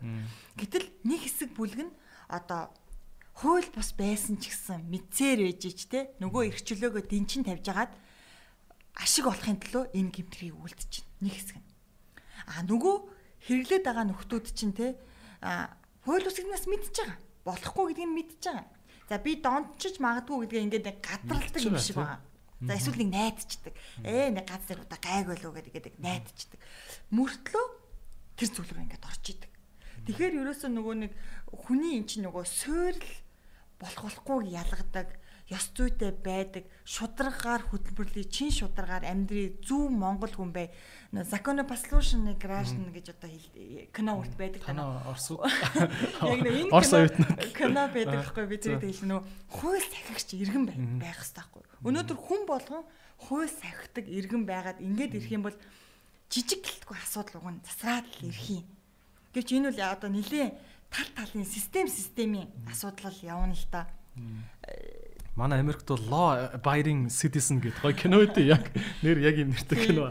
Одоо нөгөө өөрөө нөгөө инженер хүн шүү дээ тий. Тэгэхээр альва ийм техник тоног төхөөрөмж гэдэг юм уу машин ч гэдэг юм уу эн чинь ажиллахын тулд бүх эд анги нь бүрэн бүтэн байгаад дээрэс нь бензинтэй байж иж төлхөр түлхэхэд хөдөлж эхэлдэг.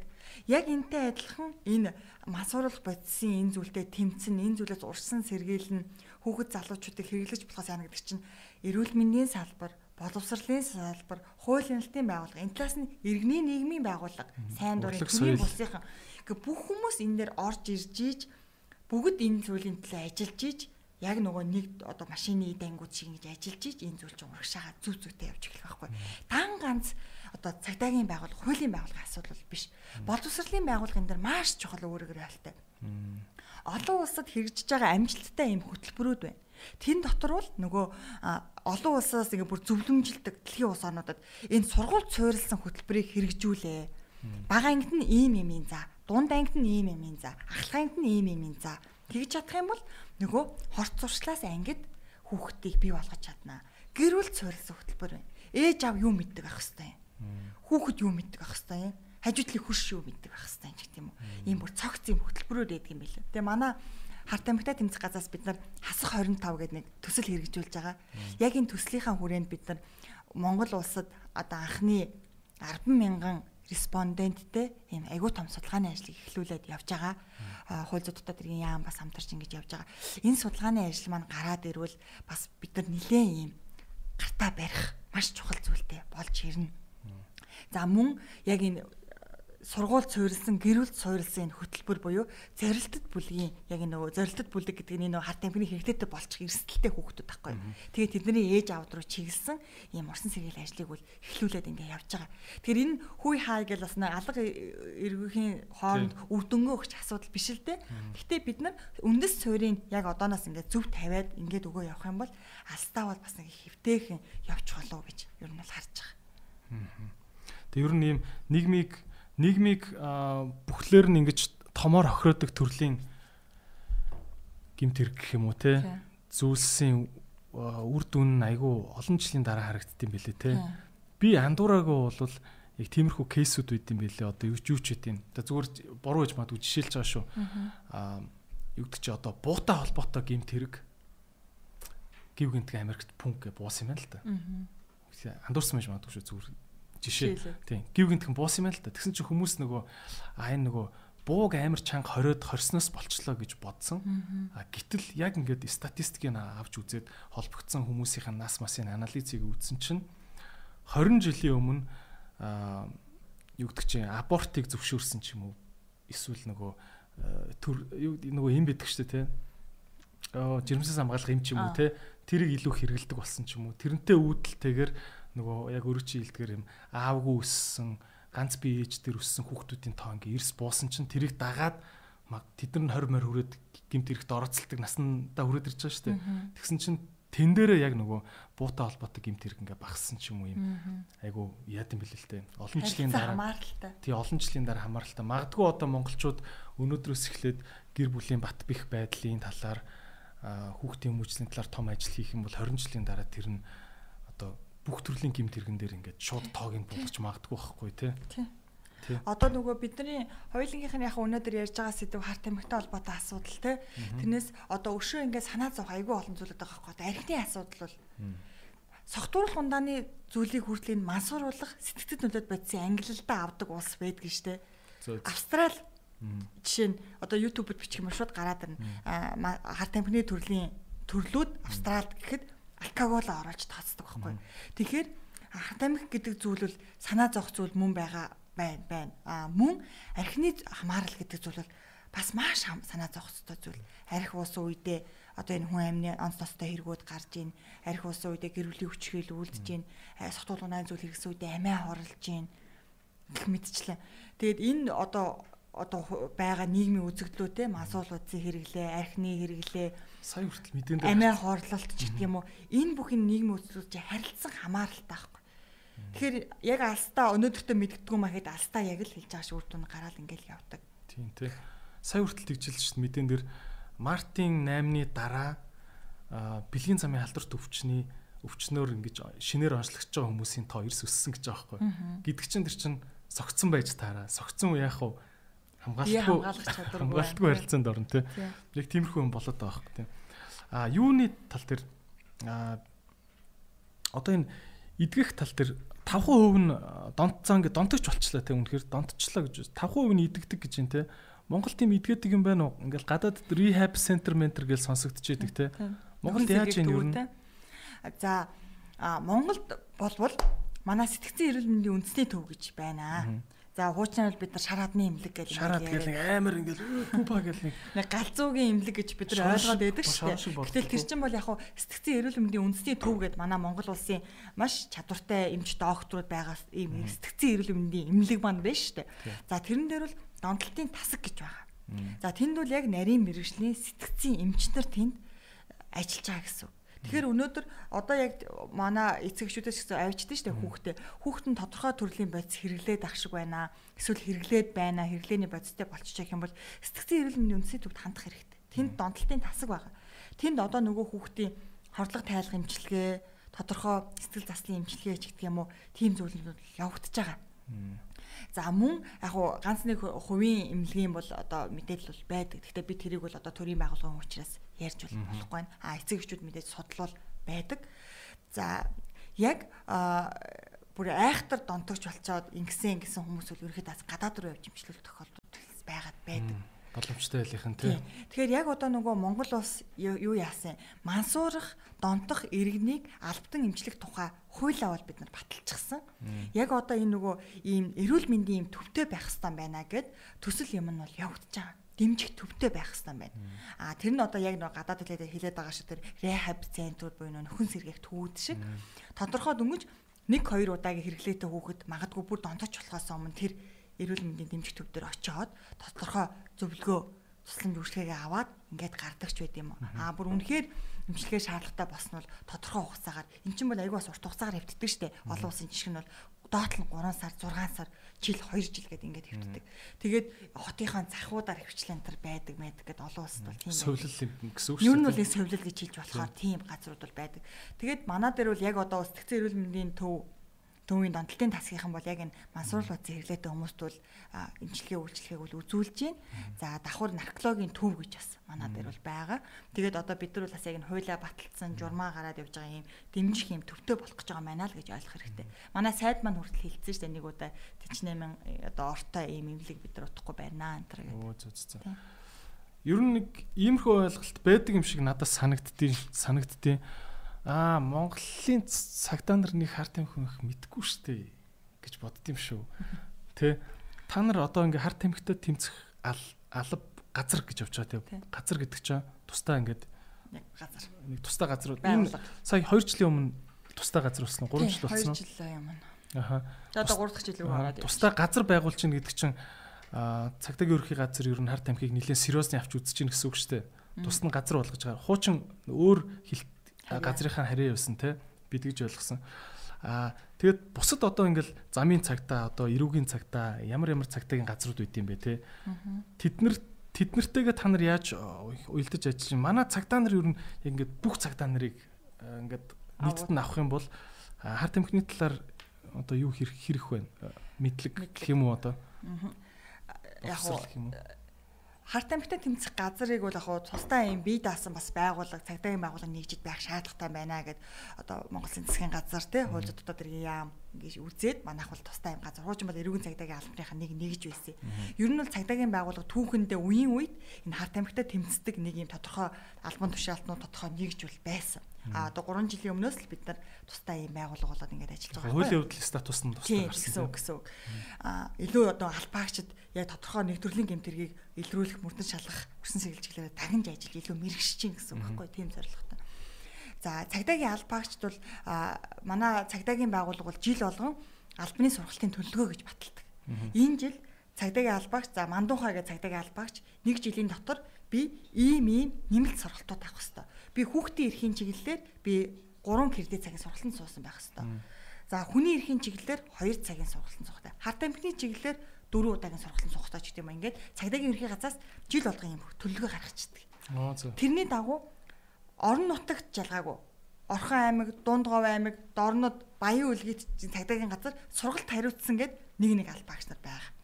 Баян зүрх дүүрэг хам улдүр хамаагүй. Тэр сургалт хариуцсан нөхөр яадаг бах нь. Тэр сургалтын төлөвлөгөөний дагуу бүх тэр одоо газрынхаа албаагчтай тэр сургалтыг орчдөг. Тэр хүн өөрөө орохгүй дээ. Одоо чинь харт тамхины сургалтыг бол манай газраас бүх одоо улс орон даяарх цагдаагийн албаагчид сургалтыг орж идэг гэсэн. Тэгэхээр цагдаагийн албаагчд бол маш сайн мэдлэгтэй байгаа.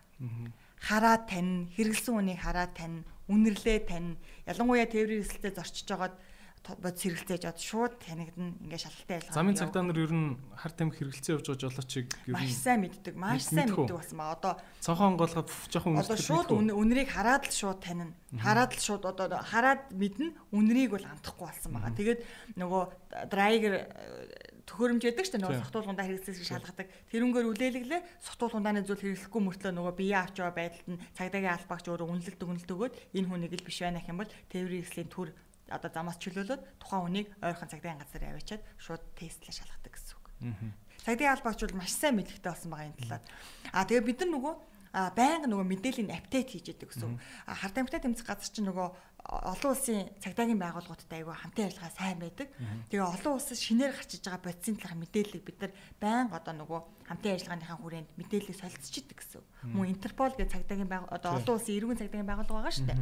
Энэ хэмжээнд нэг үе явах юм ба дэлхийч айгүй юм глобалны болчихж штэ бид нар пандемикээс болоод бүр тий бүх юм айгүй гоё онлайн болсон. Одоо би хичээл заахын тулд өмнө гоо явах хэрэггүй болсон тий. Сүү цагдаагийн албаагчтай бүгдийн тань Zoom аппликейшн ашиглаад ч юм уу дотоод сүлжээгээрээ ч юм уу яриад за ийм биш үү. За Азад ийм төрлийн бодис гарч ирсэн байна. Энийг ингэж хэрэглээд байгаа юм байна. Хэрэгэлсэн хүнд ийм шинж илэрдэг юм байна. Ингэж бүгдээрээ таних юм биш үү ч гэх юм уу. Яг энэ мэдээллийг бол ингээд хүргээд яваад идэх гэсэн үг. Монголд Монголд гэхдээ нөгөө зөвлөлтийн үед Орос цэргүүд авчираад тарцсан одоо хар тамхины ургамал тий канабис ургамлууд ингээд тал дээр урагч идэг энэ төр гэлэгдэн шүү дээ. Нэг танаа нэг бичлэг яваадсан шүү дээ. Өвсөн дунд байсан залуучуудыг дарж аваад тий.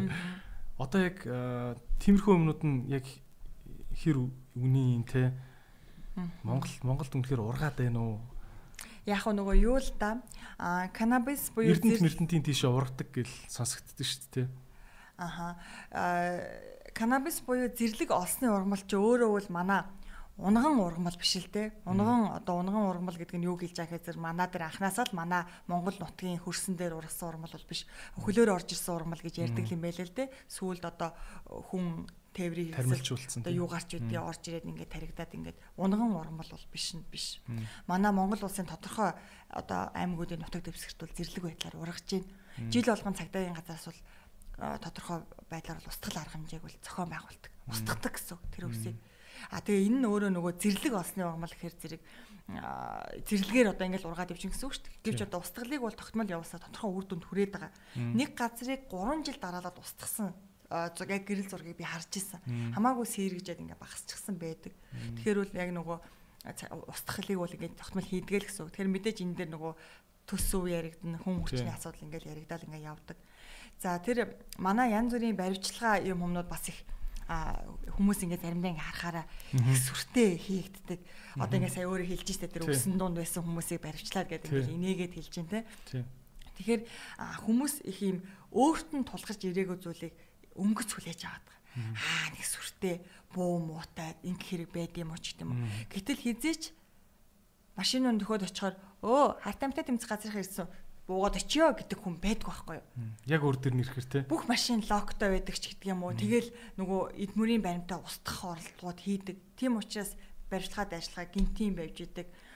Тэр хөөрхидөө одоо тэ энэ хідэн өвсөн дундаас хүүхдийг баримтлаад энэ төргээд хөөрхилээд байгаа тэр баримтлагдж байгаа хүмүүс чинь тэр өвсийг чинь түүгээд утгаж боловсруулад хольж утгаад элдв долоон шидийн юмтай хольж утгаад чиний хүүхдэд те чиний дүүд чиний аав ээжийг, чиний ах トゥ, чиний эхнэр нөхрийг хордуулах зүйлийг, насан туршийн хамааралтай болгох зүйлийг бэлтгэдэг тийм хүмүүс аахгүй.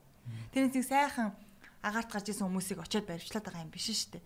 Харахад өвс аа гэж хүмүүс ингэж байгаа л бичиг ямар тэр зүйлээс чи ямар зүйлийг хийгээд яаж ашиг болоод хүүхдий чинь тий өнөөдөр одоо тэгэл яриад байгаа юм л да. Одоо манай янз бүрийн олонний танил инфлюенс гэж өөрсдөө нэрлэдэг байгаа залуучууд. Тэгвэл чиний хүүхдийг өнөөдөр хажуудаа дуудаж ирээд тэр зүйлийг хэрэглэхийг чи зөвшөөрөх үү гэж би асуумаар санагддаг. Юу гэж хэлэх бол аа сүртэй штэ за олоо зөвшөөрч. Тэгвэл хүүхдтэй та тэрийг зөвшөөрөх үү? Тийм окей зүгээр юм бол зөвшөөрөх юм уу? Эхнэртэй зөвшөөрөх үү? Тэр чин сайхан түүгээд өчнөө илүү дутуу хиймээ янз бүрийн юм хольж хутгаад хүүхдээ чинь тархийг идэх зүйлийг хийж байгаа хүн штэ. Тэгээ тэр хүнийг барьцлах нь тийм өрөвдөлтөө хөрхилтэй байна. Тийм. Нөгөө талаас нь харахгүй байгаа. Тэгэхээр үзэл бодлоо илэрхийлэх хэний ч эрхийг бол цагдаагийн байгууллага хорихгүй шүү дээ. Хуулиараа хэний ч эрхийг хорихгүй. А гэвч таны үзэл бодол хуулиас даваад а хин нэгнийг тодорхой төрлийн гимт хэрэгт өдөөн турхиад одоо тий сурчлаад уриалаад ирэх юм бол энэ дэр төр ажиллана л гэсэн үг. Окей. Аа олон улс төр юунууд байгаа штэ кейсүүд байгаа. Би ингэж ойлгоод идэг байхгүй юу? Монголд одоо ингээд хар тамхи зараад байгаа хүмүүстэй тэнцээ чин одоо янз бүрийн мэс зүс зараад байгаа хүмүүс тэр чин гаднаас л авчиж байгаа штэ тэмстэй. Тэгэхээр гадны бүр амар том сүлжээний гар хөл болчт юм шүү. Монгол хүн ингээд гадаадд явж байгаад санаандгүй. Тэгээд бид нар болохоор ингээд Монголынхаа мэдэн дээр харахаараа дандаа нөгөө а Монголд доржоо ингээд хар тамхи зарж байгаа баригдсан мэн л гээл тэгэл цаашаа бодохгүй ингээд хайчдаг болохоос биш. Доржоогийн чинь цаана бүр нэг хятад нэг нөхөр, туркт нэг нөхөр хөслөөд ч юм уу эсвэл бүр ингээд барьцаалцсан те. Ёстой нөгөө бичлэг мишлэгийг хийж аваад за чамаг ёстой гэд ингээд барьцаалцсан ч юм уу юм гадны одоо мафийн гэхүүдээ те. Юунууд гар хөл хэр их Монгол руу ингэж орж ирж байна. Аа. Яг бол зөвхөн Монголын хитгэн нэг сахилахгүй нөхдүүд л хар тамхи цараад байна гэж бас бодохгүй байгаа хгүй зүгээр эргэн өрний хувьд хардахад энэ энэ заавал гадны ханган нийлүүлэгч цаана байх л ёстой. Тэр нь цаана зөвхөн байгуулттай. Аа. Ингэж илсүүлж авсан л байгаа гэж би бол хардаг. Тий. Яг гоо эн чинь нөгөө өөрөө их юм нууц даал дараагаар үйлдэгддэг, зохион байгуулалтаа үйлдэгддэг ийм гимтэрэг учраас тэр болгон нөгөө бүх мэдээллийн ил бол гаргаж ирж тавиал яриад иж бас болдгоо ийм төрлийн гэмт хэрэгэлтэй. А яг гоо ганц нэг олонний танил хүмүүс баригдсан тухай мэдээлэл нь сошиалар шуугаал тэгэхээр л нөгөө хүмүүс аа хэвээ тим тим том том юмудаа илрүүлэхгүй байж нэг мөө наан захын юм хэрэглэгчийг илрүүлж хордог мордог хэрэглэгч нарын шоронд хийдэг мэдэг гэл ингээл ийм буруу ойлголт яваад идэг. Гэтэл энэ чинь цаана маш олон юм нарийн тусгай ажиллагаанууд явагдаж идэг. Тэрний хүрээнд ийм том том бүлэглэлүүдийг илрүүлж идэг, том том их хэмжээний бодисуудыг хурааж идэг. Тэр болгоно цагдаагийн байгууллага илүүгээд яриад байдаг байхгүй юу? Ярих ч шаардлага байхгүй. Бид нар хуулиар хүлээсэн чигүүргээл биелүүлж байгаа. Гэмтэрэгтэй тэмцэх чигүүргээл биелүүлж байгаа. Тэгэхээр а энэ бүлэглэлүүд гэдээ ярьж байгаа гэмт бүлэглэлүүд энэ янз бүр байна л та. За яг Монгол залуучууд дотооддоо үгсэн тохиролцоод тодорхой төрлийн гэмтрийг үлдэж байгаа ш тохиолдлууд байна. Хоёр болон түүнээс дээш л болчвол бүлэг зохион байгуулалттай болчих штэ. Хоёр хүнээс дээш болоод явчихвал. А тодорхой хэмжээнд гадаадын иргэдтэй холбогдоод гадаадын одоо энэ төрлийн гэмтрийг үлддэг хүмүүсийн одоо хүмүүстэй нийлж Монгол улсад энэ төрлийн гэмтрийг хил дамнан үлдэж байгаад баригдсан тохиолдол бас байна. За цагдаагийн байгууллага бол олон улсын эрүүгийн цагдаагийн байгууллага Интерполын шугамар дамжиж холбогдох ажиллагаануудыг гадаад улсад бол одоо яг шууд нөгөө эрүүгийн одоо мөрдөн шалгах ажиллагаа гадаад улсад явуулахгүй ч гэсэн тодорхой этгээдүүдийг эрен сурвалжлах, мэдээ мэдээл харилцан солилцох ч гэдэг юм уу. Ийм шугамар бол олон улсын бас Интерполоор дамжиж хамтран ажилладаг байна. Ер нь одоо ингээд за 10 10 хар тамхи зардаг хүн барьлаа гэж заа. Тэрний хідэн яг гадаад тамсаатантай байна. Зүгээр баримжаагаар тийм тийм мэдээлэл хэлж болох уу? Яг нь ийм мэдээллийг би баримжаагаар бас хэлж болохгүй л те. Аа тэгэхээр бол тодорхой баригдаж байгаа хүмүүс дотор мэдээж одоо ялангуяа синтетик төрлийн химийн гаралтай бодисвол Монгол улс гэж байхгүй шүү дээ. Улсын хилээр хуулиусаа нэвтрүүлж байгаа шүү дээ. Тийм учраас одоо тодорхой хувь нь бол мэдээж гадаад яс. Би одоо яг энэ танд тэднэ гэж бол хэлж болохгүй. Тийм. Тэр хоёр улсын хамт хамт цагдаа нарын хамтдаа барьж байгаа хэрэг болоод шүү дээ. Би яг Германд явжсэн чинь ингэжсэн байхгүй. Германы цагтаа нар машины одоо Германд ингээд машин улгаал машин улгаалах гэдэг асуудал бол амар болцсон. Тэгээ цагтаа нар нь бүр заримдаа бүр дийлэхгүй одоо цонхыг аглаад машиныг ингээд унаа явцсан. Эсвэл бүр амар болцсон юм биш үү? Машиных нь ингэж мэгдэх хэрэг гардаг гэж байна. Машинаа ингээд холоостай гэдэг унтраад штэ. Тэнгүүд тэр чинь нэг юм радио долгион байгаа штэ. Тэр долгионыг амар хурдан барьж авдаг төхөөрөмж дунд нь гудамжинд суулгаад. Тэгээд гингүүд нь тэр түлхүүрийг түлхүүрийнх нь гаргаж байгаа долгионыг хувилдаг. Юмыг амар хурдан барьж аваад үйлдвэрлээд дадаг гэд машиныг нь явган хөвцөө уурна ороод онголгоод унаа авчдаг зав. Тэгээ унаа явахаараа Европын холбоо ч нөгөө ингээд олон орон нээлттэй байгаа. Аль аль ч орн руу хамаагүй унаа унаа явцдаг. Тэгсэн чинь Германы цагтаа нар машины хулгайныхаа хэргийг дийлэхгүй байгаагийн шалтгаан нь энэ хэргийн ихэнх нь дандаа Польшоос бүр даваад байгаа үстэй. Цаашаага Чехэс зохион байгуулж байна гэж байгаа байхгүй. Тэгэхээр германчин болохоор хил хилээ тулаал зогсчдаг. Цаашаа ингээ Европын холбоо гэдээ хоёр орны хэрэг мэрэг болоо ингээд заваарад идэг. Тэгээ ерөөсөө барьж чаддгүй гэж байгаа байхгүй. Тэгэхээр л яг одоо Тэгээ миний зүгээр санаа зовоод байгаа юм тийм болчиход байгаа байхгүй. Монгол цагтаа нар арай гэж нэг хүний хөөгөл барьж итэл дараа нь цаашаа нөгөөдг нь олон улсын хууль эрх зүйн хүрээнд гээл ингээл замбахрал ингээл ингэдэг ийм болчих үедээ санаа зовоод байгаа. Тийм тэгэхээр энэ гимтэргийн яг нэг онцлог чинь тэр ахгүй нөгөө үндэст нь дамтаж үлдэгддэг. За мэдээж яг дотоодын гимтэргийн асуудал байна л да. Одоо манайд бол бид нар нөгөө энэ тархацтай өвсдөг үзэлц чинь тий зуралт чинь дотоодын гимтэргийн асуудал байж болох ч яг энэ зарим гимтэрэг нь бол яг үндэст нь дамнаж үлдэгддэг. Тийм болохоор нөгөө олон улсын хамтын ажиллагаа гэдэг юм чи яг энэ гимтэрэг дээр гарч ирж идэг. Одоо манай байгууллагаас цагдаагийн ерхий газраас бол яг харт амьтаа тэмцэх чиглэлээр олон улсын хурал юмд байн гавж идэг тэр нь зүгээр хуралд ороод байгаа гэсэн асуудал ш. Орон улс улсынхаа нөхцөл байдлыг ярина. Тэр нөгөө харилцаа харилцаа гэдэг зүйлийг бол байн хадгалж идэг. А дараа нь эргээд тодорхой төрлийн хэрэгүүд дээр ажиллахад ч юм уу нөгөө хамтын ажиллагааны асуудлыг яаж идэг. Мэдээж энэ бол нөгөө олон улсын түвшний асуудал учраас заавал хамтын ажиллагааны гэрээмэр ямар ингээд явж идэг гэсэн. Тэгэхээр зүгээр нэг нааны одоо хэрэгүүд бол байдгүй л гэсэн. Энэ дээр ус одоо баримтжуулалтай нөгөө тусгай ажиллагаанууд явагдчихийж илрүүлдэг гэсэн үг юунод нэг ийм хэрэг гардсан шүү дээ. Зүгээр зүгээр шууданд ингээд хийгээ явуулцдаг те. Тэгсэн чи энэ зүгээр нэг англи хэлний багш хийж байгаа хаана гайл улсын жиргэн гэлээдэ те хүн энэ ч болохоор зүгээр ийм англи хэлний багшийн визээр байдаг. Тэнгүүт тэнчэнээс бүр галланд малландас ч гэлөө ингээд тогтоон тийг явуулцдаг. Иймэрхүү юмыг одоо яа хэл мэл дээр мэдтгүү мүү эсвэл мэдсэрэж зүгээр ингээд за жоохон харж байгаа барий гэд ингээд байлгаад дит юм уу. Яг юу болтын цаанаа? За одоо яг цаана яг юу болдгийг гэдэг бол нэг өөр асуудал тий. Аа яг хэл болох хэмжээнд юу болт тий. Мэдсээр шудагаар явуулаад байгаа юм шүү. Арай л улаан цам юм шүү. Мэдсээр вэж оруулж ирнэ гэж бас юу ах вэ тийм зүйл байхгүй. За галийн байгууллага бол цагдаагийн байгууллагатай хамтраад болон бие даагаад яг энэ улсын илэр хөлсөө нэвтрүүлж байгаа тамхины холбоотой гэмтрүүдийг бол чадлын хэмжээгээр бол боломжийн бол илрүүлж ийн үл гэж би хардаг. А тэгээ мэдээж гарын салаагаар гарах юмнууд бол одоо байдаг байх нь ягаад тэгэхээр хураагдаад байна ил рүү хэрэг бүртгэгдээд байна тийм тэгэхээр яг одоо нарийн яг хяналт шалгалт одоо яг тэр процесс юм нь бол одоо гайлын байгууллагын техник тоног төхөөрөмж хүний нөөц гэл маш олон асуудал энэ дээр яригдана л да улсын хил одоо хэлийн бомбтуудын хүчин чадал хүн хүч техник хэрэгсэл гэл энэ дээр бол маш олон асуудлыг бол ярина гэсэн үг.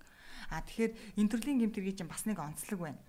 А тэр болгон одоо нөгөө техник тоног төхөөрөмжөөс гадна гол зүйл бол тухайн хэргийн талаарх мэдээлэл байдаг тийм тодорхой хугацаанд нөгөө шалгасан одоо мэдээлэл цуглуулсан энэ бүх зүйлүүд олон хүчин зүйлийн нөлөөгөөр илрүүлж гаргаж ирж байгаа гэсэн үг.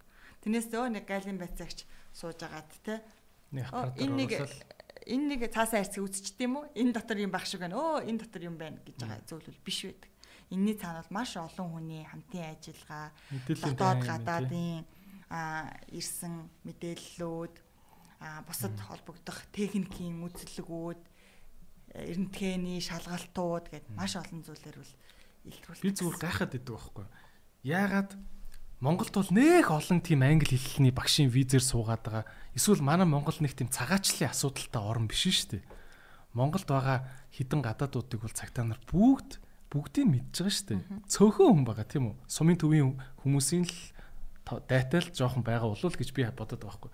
Тэгээ энэ жоохон гадаадууд байхад тэгээ тэд нар улаан цам ингэ шуудан муудангаар юм аваад тахад тэрийг яагаад ингэж оруулаад ингэж тэрийг яагаад тийм амархаа ингэж пад гэж барьчихгүй ингэж Тэ. Пад гэж барьсан шүү дээ. За ер нь бол яг уу амар амархан байдаг хүмүүс гэж би байхад. Би нийт яг Монгол улсад багшлах ажиллах визээр те визтэй. Тэгээд яг нөгөө англи хэл зааж байгаа багш нарын тоог би яг харамсалтай хэлж мэдэхгүй байна л одоо хэд байдгийг мэдэхгүй байна. А гэвч яг тэр бүх хүмүүсээс өнгөрсөн хугацаанд яг харт амигтай холбоотой хэрэгээр бол хоёр яг тийм хүн гадаад улсын иргэн бүртгэгдэж шалгагдсан шүү дээ. Яг англи хэл заана гэсэн багшийн багш багшилж исэн тийм бүр багшлаад эхэлж исэн ийм хоёр хоёр хүний асуудал. Тэгэхээр бас яг бүх нийт бүх гадаадын англи хэл заахаар исэн багш нарыг хомруулан бас ойлгож бас болохгүй байх л та. Тэгтээ анхаарах хэрэгтэй.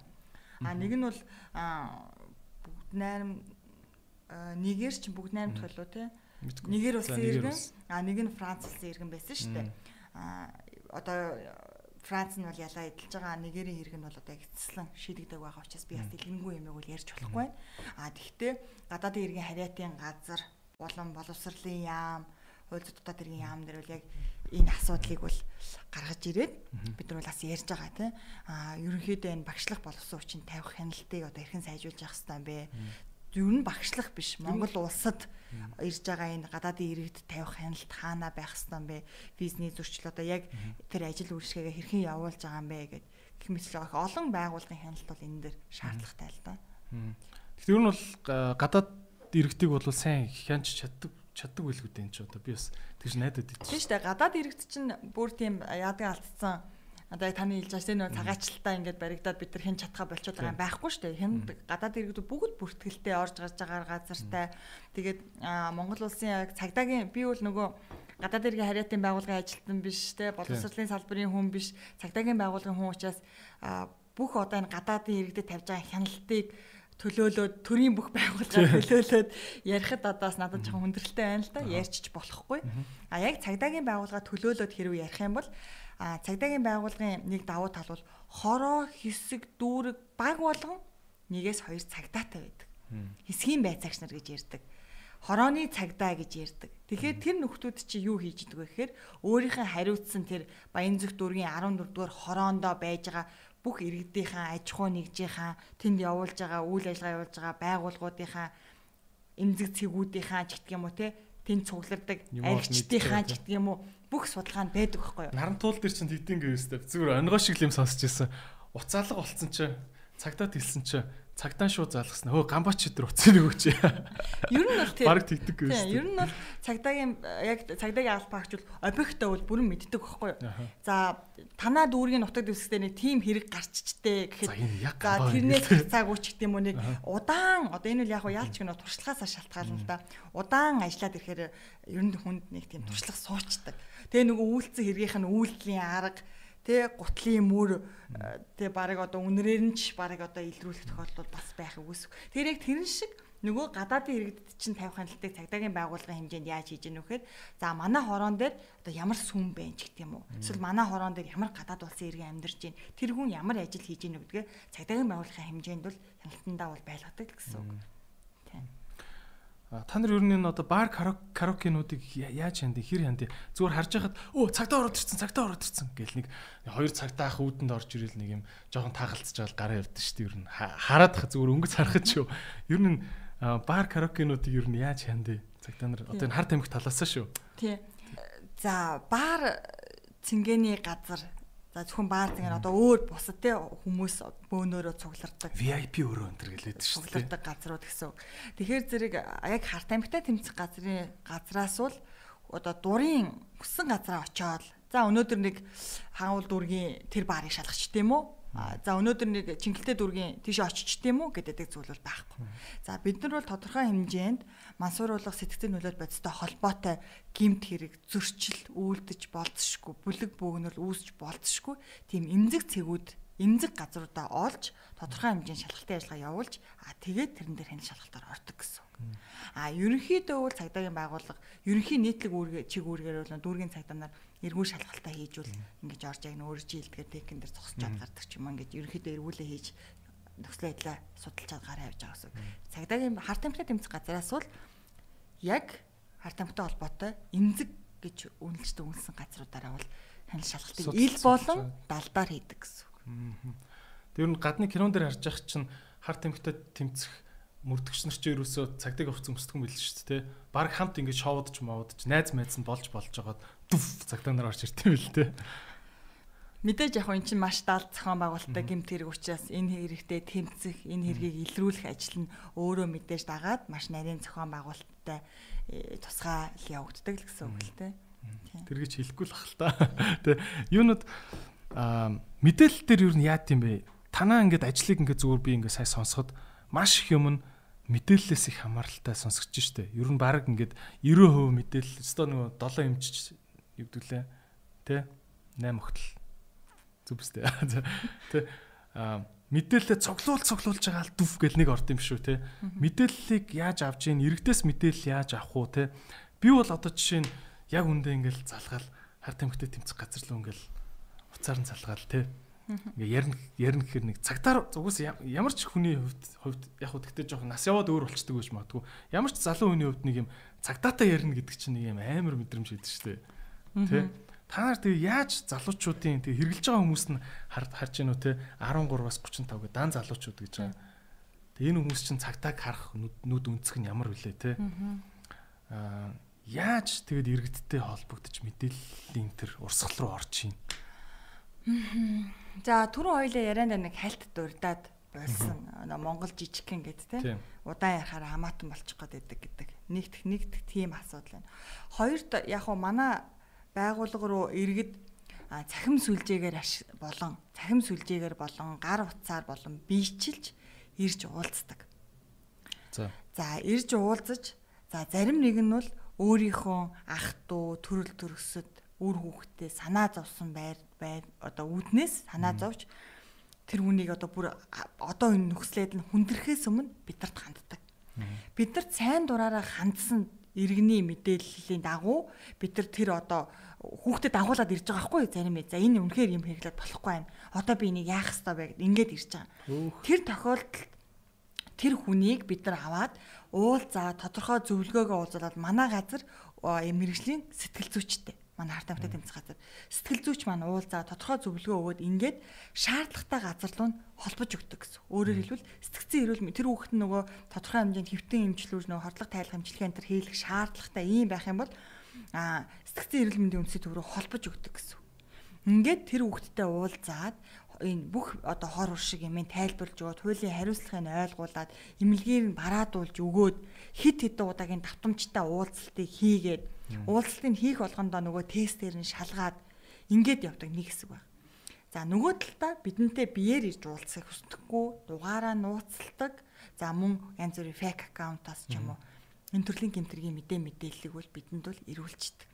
За энэс ирсэн мэдээллийг хэрвээ тухайн хүн мэдээлэлээ нууцлж авахыг хүсвэл бид нар нэрээ хэл утасны дугаараа хэлэх гээд байдаггүй. Иргэн мэдээлэл нууцлахыг хүсэж байна. Хаашаа залах вэ? А манай яг пэйж Facebook пэйж дээр манай утас байгаа. За удахгүй бид нар бас нэг тусгай дугаар ажиллуулах. Энэ доор тавьчих те. За хүмүүсийн доороос хараад мэдээлэл. Манай яг Facebook пэйжийн юуг тавьчих. Манай Facebook пэйжээр бол холбогдоход бид нар мэдээлэл ингээ авдаг байгаа. Ингээд шалгалтын ажиллагаануудыг ингээд явуулдаг гэсэн үг. Тэгэхээр мэдээлэл бол манай ажлын одоо чухал нэг хэсэг боловч бас бүгд бол бас биш. Ирсэн мэдээлэл бид нар цензуртай хандна, холбогдох шалгалтын ажиллагааг явуулаад ингээд шалгаад ингээд явдаг гэсэн.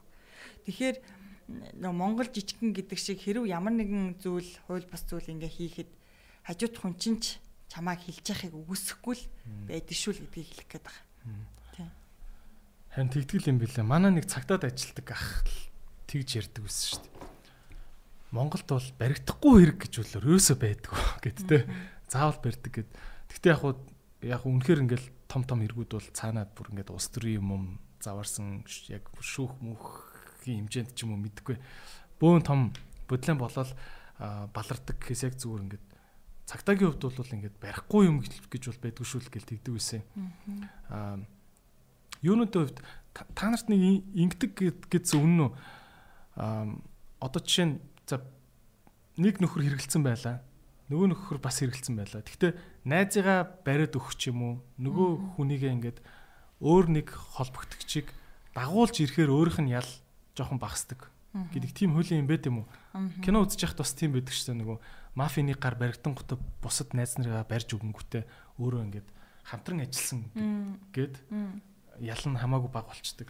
Тийм байт юм уу? Яг чухал маш чухал асуулт асуулаа. Эрүүгийн хэрэг хянан шийдвэрлэх хуулинд хамтран ажиллагчаар тогтоох гэж заалт байдаг юм. Одоо яг хүсэх юм бол хинч хүсэх юм бол хамтран ажиллагчаар тогтоох эрүүгийн хэрэг хянан шийдвэрлэх тухай хууль гэдээ бичих юм бол мэдээлүүд нь гараад ирнэ. За тодорхой төрлийн гэмт хэрэг бүх гэмт хэрэгт байдаггүй. Яг манай чиглэлийн буюу харт амих мансуул удастай холбоотой гэмт хэрэг. Эсвэл өөр одоо энэ онц хүнд гэмт хэрэгүүдийн талаарх мэдээллийг мэдж байгаа хүн өөрөө бас хэрэг үйлдэлсэн тийм ээ. Аа тэгээд өөрөө гэмт хэрэг үйлдэлсэн мөртлөө энэ онц ноцтой гэмт хэргийн талаар үндэстэн дамсан зохион байгуулалтаа үйлдэгддэг харт амих хүний 8 одоо юу гэдэг те энэ гимтэргийн талаарх баттай үйлдэгдсэн гимтэргийн талаарх мэдээлэл өөрт нь байгаа бол шүүхэд одоо хүсэлт гаргадаг. Мэдээж тэд чинь бүгд өмөөлөгчтэй байгаа. өмүүлэгчрөө дамжуулаад би хамтран ажиллагчаа тогтоолох хүсэлттэй байна гэд одоо ингээд Тэгэхээр нөгөө найзгаа барьж өгч байгаа мөж асуудал одоо гэж яг хараар ярих юм бол тэгж ойлгоход байна те. А тэгвэл одоо ямар ч одоо яг хэрэг байж болох нь шүү дээ. Хар тамхитай холбоотой хэрэг бас байдаг. Шүүхэд хүсэлтэй гардаг. За шүүгч нөгөө нөхрийн гаргасан хүсэлт нөгөө өгөх гээд байгаа мэдээлэлд нь дүн шинжилгээ хийдэг гэсэн, үнэлэлт өгөлт хийдэг гэсэн. Ингээд холбогдох байгууллагаар нь шалгалтын ажиллагаа явуулаад үнэхээр нөгөө нөхрийн өгсөн мэдээлэл үнэн байгаад бодит байгаад тогтоогдвол хамтран ажиллагчаа тогтоож ялаас ялыг хөнгөрүүлдэг. А тийм яг хөнгөрүүлдэг юм байна. Одоо яг эрүүгийн хэрэг хянашилдаг тухай хууль нь заасан байгаа хамтран ажиллагчаа тогтоо. Тэгэхээр нааны нөхрийг хамтран ажиллагчаа тогтоохгүй л дээ. Нэг хоёр хоёулаа ингээ гимтэрэг үйлчлэжсэн баригдсанаа би нэг тий би хамтран болмоор байна. Би эдэр одын урд нь хийжсэн нэг тийм юмыг мэднэ гэдэг ингээд тэр болгоны нааны хүнийг бол хамтран ажиллагчаа тогтоогоод байдаггүй гэсэн. Нөгөө гимтэрэг нь нөгөө шаардлагыг хангах гэдэг нь зохион байгуулалтад үндсэн намсан юм харт амигтай ийм юм хэрэг байгаад тэр нь яг тогтоох төстэй. Тэгэхээр нөгөө амны Тэгвэл зүгээр ингээд найзынхаа нэрийг дурсах болгонд нь ялнаас нь тэт тэдөө хөнгөлн тийм бол байхгүй. Тийм байхгүй. Тэгээд тэр найзыг зүгээр нэг хажуутлын айлын доржогийн iPhone-ыг одоо хулгаасан хэргийг яриад байвал ярьсныхын төлөө хар тамхины хэрэгээс нь чөлөөлнө гэсэн үг биш байхгүй юу? Өөрийнх нь үйлдэлсэн гимт хэргийг өгж байгаа тэр мэдээлэл өгöd байгаа гимт хэрэг хоёрыг нь харьцуулж хардаг гэсэн. Аа гэхдээ энэ бол шүүхийн асуудал. Тийм ээ. Тийм шүүхтэр хэлдэг. Би бол ойлгохдоо тэгж болсон ш. Цагдаа нар ерөөхдөө хэргийг бариад баримтжуулаад тэгээд шүүх прокурорлуул шилжүүлт юм байна. Тий одоо гимт хэргийг яллах болон цагаатах талыг хоёулангийн цоглуулдаг гэсэн үг. Цагдаа гэхээрээ л хүнийг зөвхөн яллах талуудын цоглуулад байдаг гэсэн. Энэ нь юу гэсэн үг юм бэ гэхээр зэрэг за мандуухай нэг хэрэг үйлцсэн байлаа гэж бодъё. Би нэг цагдаад баригдлаа гэхэд мандуухайгийн үйлцсэн гимт хэргийг нотлох буюу яллах талын нотлох баримтуудыг цоглуулахаас гадна мөрдөгч юу хийдгүү хэр зэрэг мандуухай нь хичнээн гимт хэрэг үйлдсэн ч гэсэн за ийм боловсралтай тий урд нь ийм ажил төрөл хийж исэн ийм гавьяа байгуулж исэн ийм одоо ашиг тустай ийм хийж исэн бас ийм бас сайн хүн шүү гэдэг тэр үнийг цагаатах талын нотлох амьтуудыг бас цуглуулдаг гэсэн үг мөрдөгч. Ингээ хоёр талаас нь цуглуулсан нотлох амьт бүхий хавтас тэргийг бүрдүүлээд прокурор шилжүүлээд за прокурор тухайн хэрэг дээр яллах дүнэлтэд бичээд хэрэгээ шүүхөөр шилжүүлээд шүүгч эцсийн байдлаар хэрэг шийддэг гэсэн. Прокурор бол ингэж харж ирсэн. За за энэ юм юм байна. Хуулийн дагуу энэ нөхөр нэг жил юм байна. Гэт ингээд шүүхтэр орлоо гэхэд шүүгч нь хар ухаанаа тэгж ойлгож байна. Тэгээ шүүх хуралдаан дээр чинь нөгөө ийм мэтгэлцээний зарчим явагдаад прокурор үг хэлэх үгээ хэлнэ. А нөгөө талыг төлөөлж өмгөөлөгч өмгөөллийн үгээ хийлнэ. А ингээд энэ зарчим дээр үндэслээд хэрэг давагдсан нотлох юмтуудыг үнэлээд шүүгч шийдвэрээ гаргадаг л гэсэн. За бид хоёрын ярилцлагын цаг нэлээд өндөрлөх тал руугаа хандчихлаа. Тэгээд сүүлийн асуултууд асууя. А өөрөө бас хэллээ. А ихэнх хар тамхи хэрглэж үтсэн хүмүүс дандаа ингээд гадаадд явж байгаад нэг тэр оронд явж байгаад гээд ингэсэн байдаг те гэж байна. Эсвэл гадаадд ингээ оюутан байх та энэ төр гээд тэр ч ер нь үнэн л бах та. Тэгээд угаасаа гадны орнуудад чинь те өчнөө олон жил болцсон баг ингээд зарим газар соёл моёл болцсон байгаа харагддаг киноноос. Юун дээр ингээд ороо орноос ингээд ялангуяа цохооч нэр цохооч гэвэл те. За хүүхдүүд чинь энэ энэ орн руу аялуул Араас нь ерөн сайн хянаарай. За Япон руу явуул гайгүй наадах чи юм гайгүй бах төө.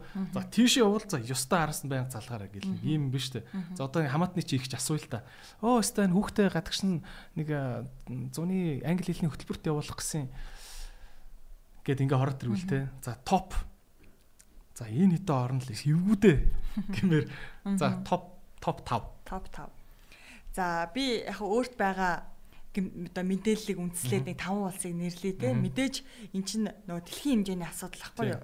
Тийм болохоор монголчууд тэр тусмаа их олон улсад ингээд зарч. Яг яг өөрт байгаа мэдээлэлээ үндэслээд анхааруулжтай зүйлх юм бол за нэгдүгээр мэдээж Америк болон Канад те яг энэ нөгөө өвсний хэрэглээг зөвшөөрсөн тодорхой хэмжээгээр зөвшөөрсөн зарим мужууд нь те хүүхд чи яг аль мужи руу явж байгаа юм бэ?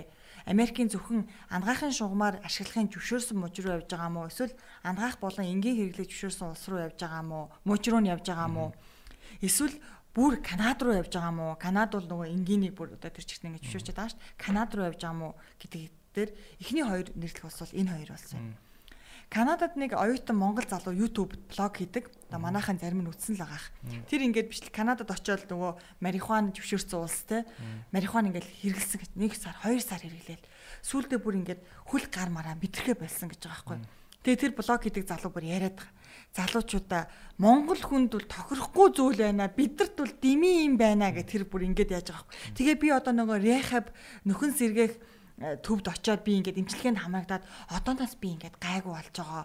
Би ингээд бүр юм сэтгэж чадгаа болоод ярих маань сонирн болоод алхаж гიშгэж бааж чадгаа ингээд мөчүүдээ бараг мэдрэхгүй болоод марихуан хэрэглээд бидэрт бол дими юм бэлээ гэдэг одоо би яг санахгүй байна нэг YouTube-ийн блог гэдэг нэг Канадад амьдардаг залуу.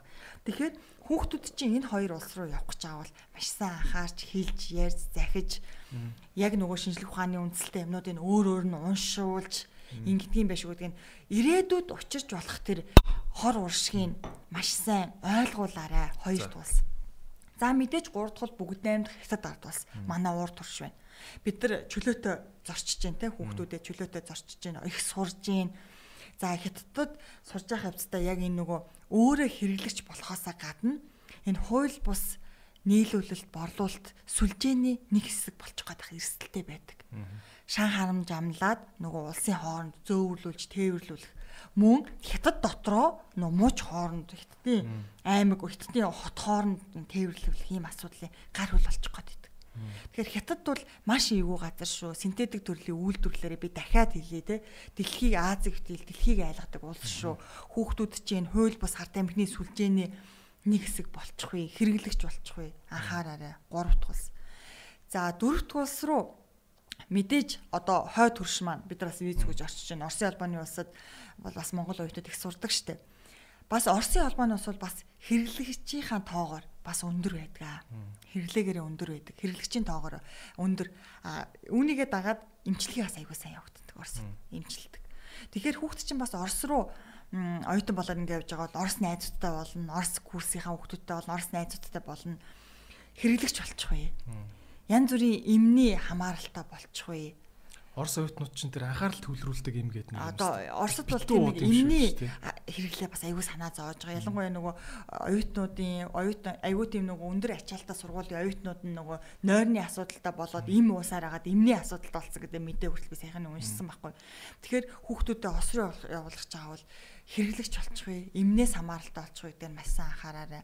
За тав туулсхээр би одоо аль улсыг нэрлэж болох вэ гэж монголчууд их явдаг улс гэхэр за яг зүүн өмнөд Азийн улс орнууд байна да. Тий одоо тэр болгон манайхан их сурхаар яваад идэггүй. Аялал зуулчлаар их явдаг. Таиланд одоо юу гэдэг Бангкок одоо Сингапур, Таиланд, за Филиппин гэд ингээд зүүн өмнөд Азийн улс орнууд байна. А тийшээ бол энэ нэг аялал зуулчдыг дагансан харт амхны хэрэглээ аягүй их байдаг шүү. Нэг хоёр удаа туршиж үзээд бас эрсдэлд вэ. Одоо нөгөө бизнесүүдийг альва нэг бизнесүүдийг бадцсан бадцсан үндэстнүүд үүдэн штэ. Хүмүүс гэх юм уу те одоо юуны бизнесийг чих юм те одоо шорлогны бизнесийг Оросд Узбекүүд бацдаг гэнтер гэдэг шиг те. Аа тэр шиг ер нь дэлхийд даяар ингээд энэ харт амхтай хамгийн их оролцолдог тийм улсуудын хүмүүс нь хин хингүүс вэ? Аа эн чинь тэгэл одоо нөгөө твээсээ шалтгаалаад ялгаатай шүү дээ. Одоо Афган гэл улс шүү дээ.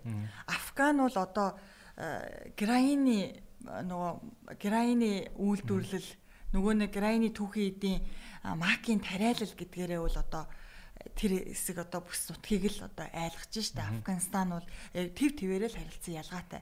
За манай зүүн өмнөд Аз руу Аз руу бол бид нар илүү нөгөө нэг синтетик төрлийн бодисод тахгүй нөгөө одоо грай одоо айс экстаз одоо юу гэдэг те синтет химийн гарлын бодисороор манай алтан гурвалжингийн улсууд гэж ярьдаг юм да одоо Лаос, Немар энтэр гэл нөхцөлөд бол маш хүнд байна штэ. Лаос, Немар энтэр бол Азад.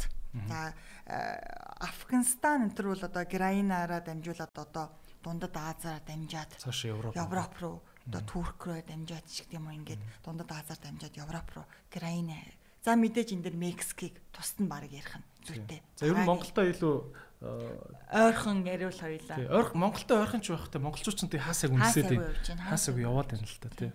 Тэгэхээр одоо Гэтэ ядаж нэг юугаа мэдчихэхэд хэрэгтэй шүү дээ. Одоо юу ч үгүй одоо хүүхэд нь улаан цайм ингээл гів гинтгэн бага афган найз нартай болол ивэл ээж аав нь бодох шүү дээ. саяхан жишээ Эсвэл нэг бага тий. саяхан жишээ нэг ийм мэдээ гарч байгаа нөө Мексик Колумб антерлоо яаж байна. Өвсний хэрэглээг одоо нөгөө хуульчлах тухай хуулийн төслөө ингээ бариад ингээ явж байна. Тэгэхээр зэрэг одоо тэр улсууд чинь энэ нөгөө героины тариалал кокаины үйлдвэрлэл энэ төр гэдгээр амар одоо хяналтаасаа алдаад ингээ бүр түүхийг бид нар мэддэг үстэй. Бид нар канон дээрээс ч мэддэг бодит хүмүүсийн амьдралын жишээнээс ч мэддэг. Одоо тэр өвөө Пабло Эскобар одоо нийслэлийнх нь нэр чинь юу? Багата Аа. Багата гэл одоо тэр Колумбод одоо ямар тэр одоо Америк нэгдсэн улс руу яаж тээвэрлж ирсэн гэл дэлхийн түүх байхгүй юу? Дээ. амтны дэлхийн түүх. Тэр улс бол үнэхээр тэр улсдаа тэр кокаин, героины одоо нөгөө үйлдвэрлэл, борлуулалт зүйлний хяналтаас гараад ингээд эрхийн цагт тэр улсууд одоо өвсний хэрэглээг зөвшөөрүүлэх үү гэдэг асуудал ярьж эхэлж байгаа байхгүй. Нэг зүйлээр нөгөөхийг л одоо хаацаалж байгаа ийм л асуудал байгаа. Тийм. Тэгэхээр ер нь бол дэлхийн хэмжээ яг бүс нутгийн хэмжээнд чинь одоо хятадд ч гэдэг юм уу Нямар, Лаос руу синтетик төрлийн бодисын үйлдвэрлэл ихсээд ирэхэд тэр бүс нутгийн хэмжээний харт амхны нөхцөл байдал дагаад хүндэрж идэг. Ерөөсөө яг нөгөө харилцан хамааралтай ингээд ийм зүйл байгаа даа байхгүй. Хөрш тэгэхээр хөрш орнууд биеиндээ асар их нөлөөлөд байна те. Тэгэхээр ер нь бол хоёр э, хөрш орн орны нөхцөл байдал бол бас нөлөөлнө л гэсэн үг те. 10 гаруй жилийн өмнө Монгол улсыг бол дамжин өнгөрөгч улс гэж үздэг байсан юм байлаа шүү дээ. Монголоор дамж одоо хаттаар хаттаас те эсвэл зүүн зүүн өмнөд Азийн улс орнуудаас дамжууд ингээ өнгөрөөд одоо хаашаа ч идэв Орос руу Оросоо дамжаач хаашаа одоо юу ч идэв байсан бол яг одоо бол Монгол улс өөртөө дотооддоо хэрэглэгч улс болчиход байгаа байхгүй юу. Тийм. За ээж аав нар тэгээ сайн бодно үсттэй те. Тэгээ ер нь хүүхдийнхаа хинтээ нийлж яаж явж гин гэдгийг сайн хя- хянахал шаардлагатай байна те. За тэгээ сүүлийн асуулт э, галтгооны асуулт асууя. За өөр дөр чинь одоо ингээд үнэхээр а 40 гаруй настай. За хамаатны чи ихч чи ирлээ. Тэ? А миний дөөстөө цагдаагийн газар ажилладаг сайн байна. Тэ? Ер нь юу мэдчих юм бэ? Тэ? Нэг нэг эцэг эхчүүдийн нэг нэг амар учиргүй ингээл дэлхийн эрүүл мэндийн юу ингээл дата базыг судлаад суухгүй л бэлгүй дээ. Одоо хоёлаа ингээд хамгийн бүр компактныгаар нь ингээд өгөхөд те зөв топ санаж энэ эдийг л санаж яв гэхээр ингээд лист хамаатныхаа ихчд гаргаж өгөөч ээ гэх юм бол хідэн юм юу гэж хэлэх үү? За нэгдүгээрт хүүхдийн чинь амьдралын хэм маягт өөрчлөлт ороод байна уу гэдгийг л хар гэж хэлнэ. Нойр нь солигдоод байна уу? Хоол нь солигдоод байна уу? Сонсдог хөгжмийн урсгал нь өөр болоод байна уу? Хувцалт нь өөр. Энэ чинь амьдралын хэм маяг гэдэг чинь айгүй их юм оруул орж ирж штэ. Нөгөө хэвийн байдаг гэсэн хүүхэд чинь. За магадгүй яг хүүхэд нөгөө шилжилтийн насан дээрээ ч гэдэг юм уу нэг оюутан болоод ирэхээр нэг арай нэг хувцсанаар нь өөр болоод тэ нөгөө хүрээлэлээсээ шалтгаалаад нэг хөгжим хөгжим нь өөр болоод инкийг үүсэхгүй. А гэвч магадгүй ахлахангийн хүүхэд чинь тэ эсвэл оюутан нэг дугаар курсын хүүхэд чинь нойр хоол нь өөрчлөгдөөл ааш авир нь өөрчлөгдөөл энгийн байдгасаа нэг өөр болоод гинт нэг биеийнх нь хаа нэгтээ шивээс гарч ирээл яг го шивээстэй хүн болгоныг энэ зүйлтэй холбоотой гэж хэлж болохгүй. Гэвч шивээс бол бас л нэг Тайлбар ёстой, тий. тий. Шивээс бол нэг л шинж тэмдэг нь бас энэ зүйлтэй холбоотой байгаа. Бүгд тийм биш ч гэсэн. За тэгээд амьдралын хэм маягийг анзаарч нэг хараарэ. Өөрчлөлтүүд гараад байна уу? Нин уг өөртөө хэрэг тэх юм бол зэрэгцэд сууж агаад нин уг яриарэ. Яг сэтгэлийн онгоот л яриарэ. Битээ загнаарэ. Загнаад хүүхдээ одоо загин зодоод хүүхдийг хүмүүжүүлдэг үе аль хүшээ хойно өнгөрсөн. Загнаад танд хизээч асуудлаа ярихгүй. Зодоод хизээч асуудлаа ярихгүй. Найз шиг нь ингээд бүр өөрийн сонсоорой. Өөрийн сонсоод яг ямар асуудал байна. Нэг асуудал байгаад хэрэглээд эхэлэх тохиолдод их байдаг байхгүй. Тэгэхээр яг ийм шинж тэмдэг илрүүл айгүй сайхан суугаад бүр нэг сайхан өөрийн сонсоод өөдөөс нь үг хэлэхгүй нэг сонсоод тахаарай.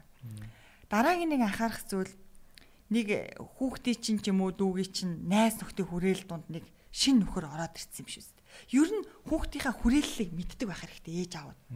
Одоо ингээл хэрэг дээр ээж аавуудын дуудаал ингээл уулзаал за та хүүхдийнхаа сайн найзуудын талаар мэдхүү яриач гэл тэгэхээр хүүхд найлуужи оюутан болсон байгаа зэ. Тэнгүүт үгүй манай хүүхдтэй бага ангид байхдаа энэ хажуу талын орцны доржойтой л нийлдэг байсан. Ахлах ангид ороод доржойгийнх нь үгээ явцсан. Тэрнээс хойш одоо хинтээ най- найзалж байгаадаа сайн мэдэхгүй байна. Хүүхд найлуужи 2 3 дахь курс бол зайл эдийн найзууд нь өөр болоод баахан янз бүрийн хэрэгэлдэг гаруудтай очиж найзалсан байж байгаа жишээ нь. Тэгэхээр хүүхдүүдийнхаа найзыг яг тэр нийлээд байгаа хүрээллийг аюу сайн мэддэг байгаарэ. Ээж аав чинь мэддэг байхгүй юу? Хүний эцэг чинь зөнтэй мэддэг. За нэг эвгүй нөхөр байвал судлаарэ, асуугаарэ, тойглоорэ. Ямар хүүхдээ чинь нөгөө буруу зүйл уруудтаад байдаг хүн байгаа юм биш үсттэй. Охин чинь нэг сайн ахтай болцсон юм биш үсттэй. гэдэг ч юм уу. За гурав дахь зүйл нөгөө хүүхдийнхаа санхүүгийн хэрэглэн дээр анхаараа. Магадгүй таны нөгөө өдөрт ингээд хоол авч идээрээгээд өгдөг байсан 2000 3000 төгрөг те 5000 төгрөг нь хүрхээ болоод ирэх вэ. Гинт хүүхдийн чинь санхүүгийн зардал өсөөд ирэх вэ. Юм хумаа зараад те таны 2 сарын өмнө авч өгсөн магадгүй нэг чихвч ч юм уу те утсан байхгүй болоод шалтгаангүй хайцсан ч гэдэг юм уу ингээд байх вэ. Тэр санхүүгийн хэрэглэн дээр аюу хяналт тавьж явах хэрэгтэй. Тэгэл танд сэжиг төрөх юм бол нөгөө уурлалгүй, загналгүй сайн ярилцаж л тэр нөгөө хүүхдийн цаанаа асуудлыг л гаргаж ингэж чадвал та хүүхдээ урсан сэргийлж чадах байхгүй. За дахиж өөр анхаарах хэрэгтэй зүйл а эсвэл санхүүгийн хэрэглээнд гинт сайжраад унах. Хүүхд чинь те таны авч өгөөгүй пүүзийг өмсөөл. Те их л өнгөлөг мөнгөлөг харагдаал. Таны авч өгөөгүй хувцсыг өмсөөл. Гэртээ хоол идэхгүй болоод ч гэх юм уу. Ингээд ирвэл тэр хүүхэд хаанаас бүгдээ байгаад бас л нөгөө л хяналтын асуудал. Тэгээ энэ хяналтыг тавьж ийн гээд зандарч тэ сүрдүүлж дарамталж нөө эрхчлөөнд нь халдаж тэр биш аахгүй. Яг өөрийн сайхан сонсож, яриулж тусгайл нь тэр хүүхдэд цаг гаргана гэдэг айгүй чухал юм билэ. Энийг яг нөгөө энэ багш нар, сургууль хүмүүжүүлэгч нар сүүлийн үеийн бас яг энэ чиглэлээр ажиллаж байгаа хүмүүсээ тэгж хэлдэг юм билээ. Цаг гаргана гэдгийг зөв ширээний аа суугаад суух яг тусгайл нь яг за аав нь те хоёулаа хагасаа өдөр хоёулахнаа 2 цаг богд болор алах юм. Аав нь хоёулахнаа өнөөдөр орой гадуур гараад нэг хоол идэх. Аав нь хүүтэйгээ хоёулахнаа гарч шүү. Энэ хэдтэй дараа үлдээчиж гэдэг юм. Энэ нөгөө тэр хүүхдэд айгүй үнцэнтэй байдаг юм байна л да. Тэг яг тэр үедээ нөгөө хүүхд асуудлаа ярьж гэлээ. Гэтэл 13, 14, 15 тагаас нь эхлээд юу ч ярихгүй те тэр хүүхдийг бүрэг хүүтэн хүндий хүн болгож хүмүүжүүлчихэд 17 8 тад гинт дуудаж ирээ хажуудаа суулгаад за хоёлаа яри. Тэрэн шиг үлгэр байхгүй те. Тэр хизээч бодол. Тэгэхээр яг тэр нэг 13 наснаас л одооний хүүхдүүдийн марк шилжин нас эхлэх шиг 12 13 яг тэр үеэс нь эхлээл ярьдаг. Тэгээ нэг хөөхөн юмаа яриад эхэлж гут нь л юугаа солиороо донгосоод ингээд байгаа ингээд тэгэл тас цохол загнаал ингээд ирчих юм бол дахиж ярихгүй шүү дээ. Тэгэл оройтсан байх бол нэг л өдөр хүүхд чинь танаас нуусан маш их нууцтай болж үлдээл. Таны хүүхдийг өөр хүн хүмүүжүүлж эхлэх юм байна шүү дээ. Таны хүүхдийг өөр хүн өөр аргаар өөр газар хүмүүжүүлж эхлэх байхгүй. Тэр яг энэ нэг хідэн энгийн боловчиг бас сонсмоор зүйлүүдийг л анхаарад эхэлчих юм бол ер нь бол гайгүй дээ л гэж хэлнэ.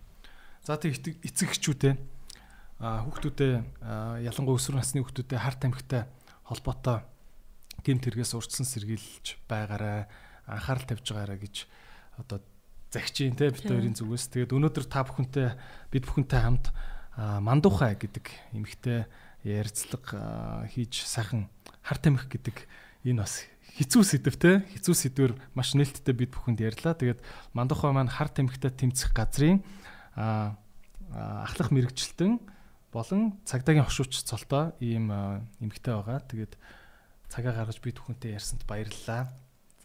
Урьж оролцсон бас маш их баярлалаа. Тийм тэгээд маш их юм нийгмийн далд олон түмний нүднээс далд байдаг ажил ажил хийдэг тэгсэн мөртлөө маш их нийгэмд хэрэгтэй ажил хийж байгаа хүн хүн байгаа. Тэгээд өрөөрчин бас их бахархаж байна. Тэгээд ажилд нь амжилт хүсье. За баярлалаа.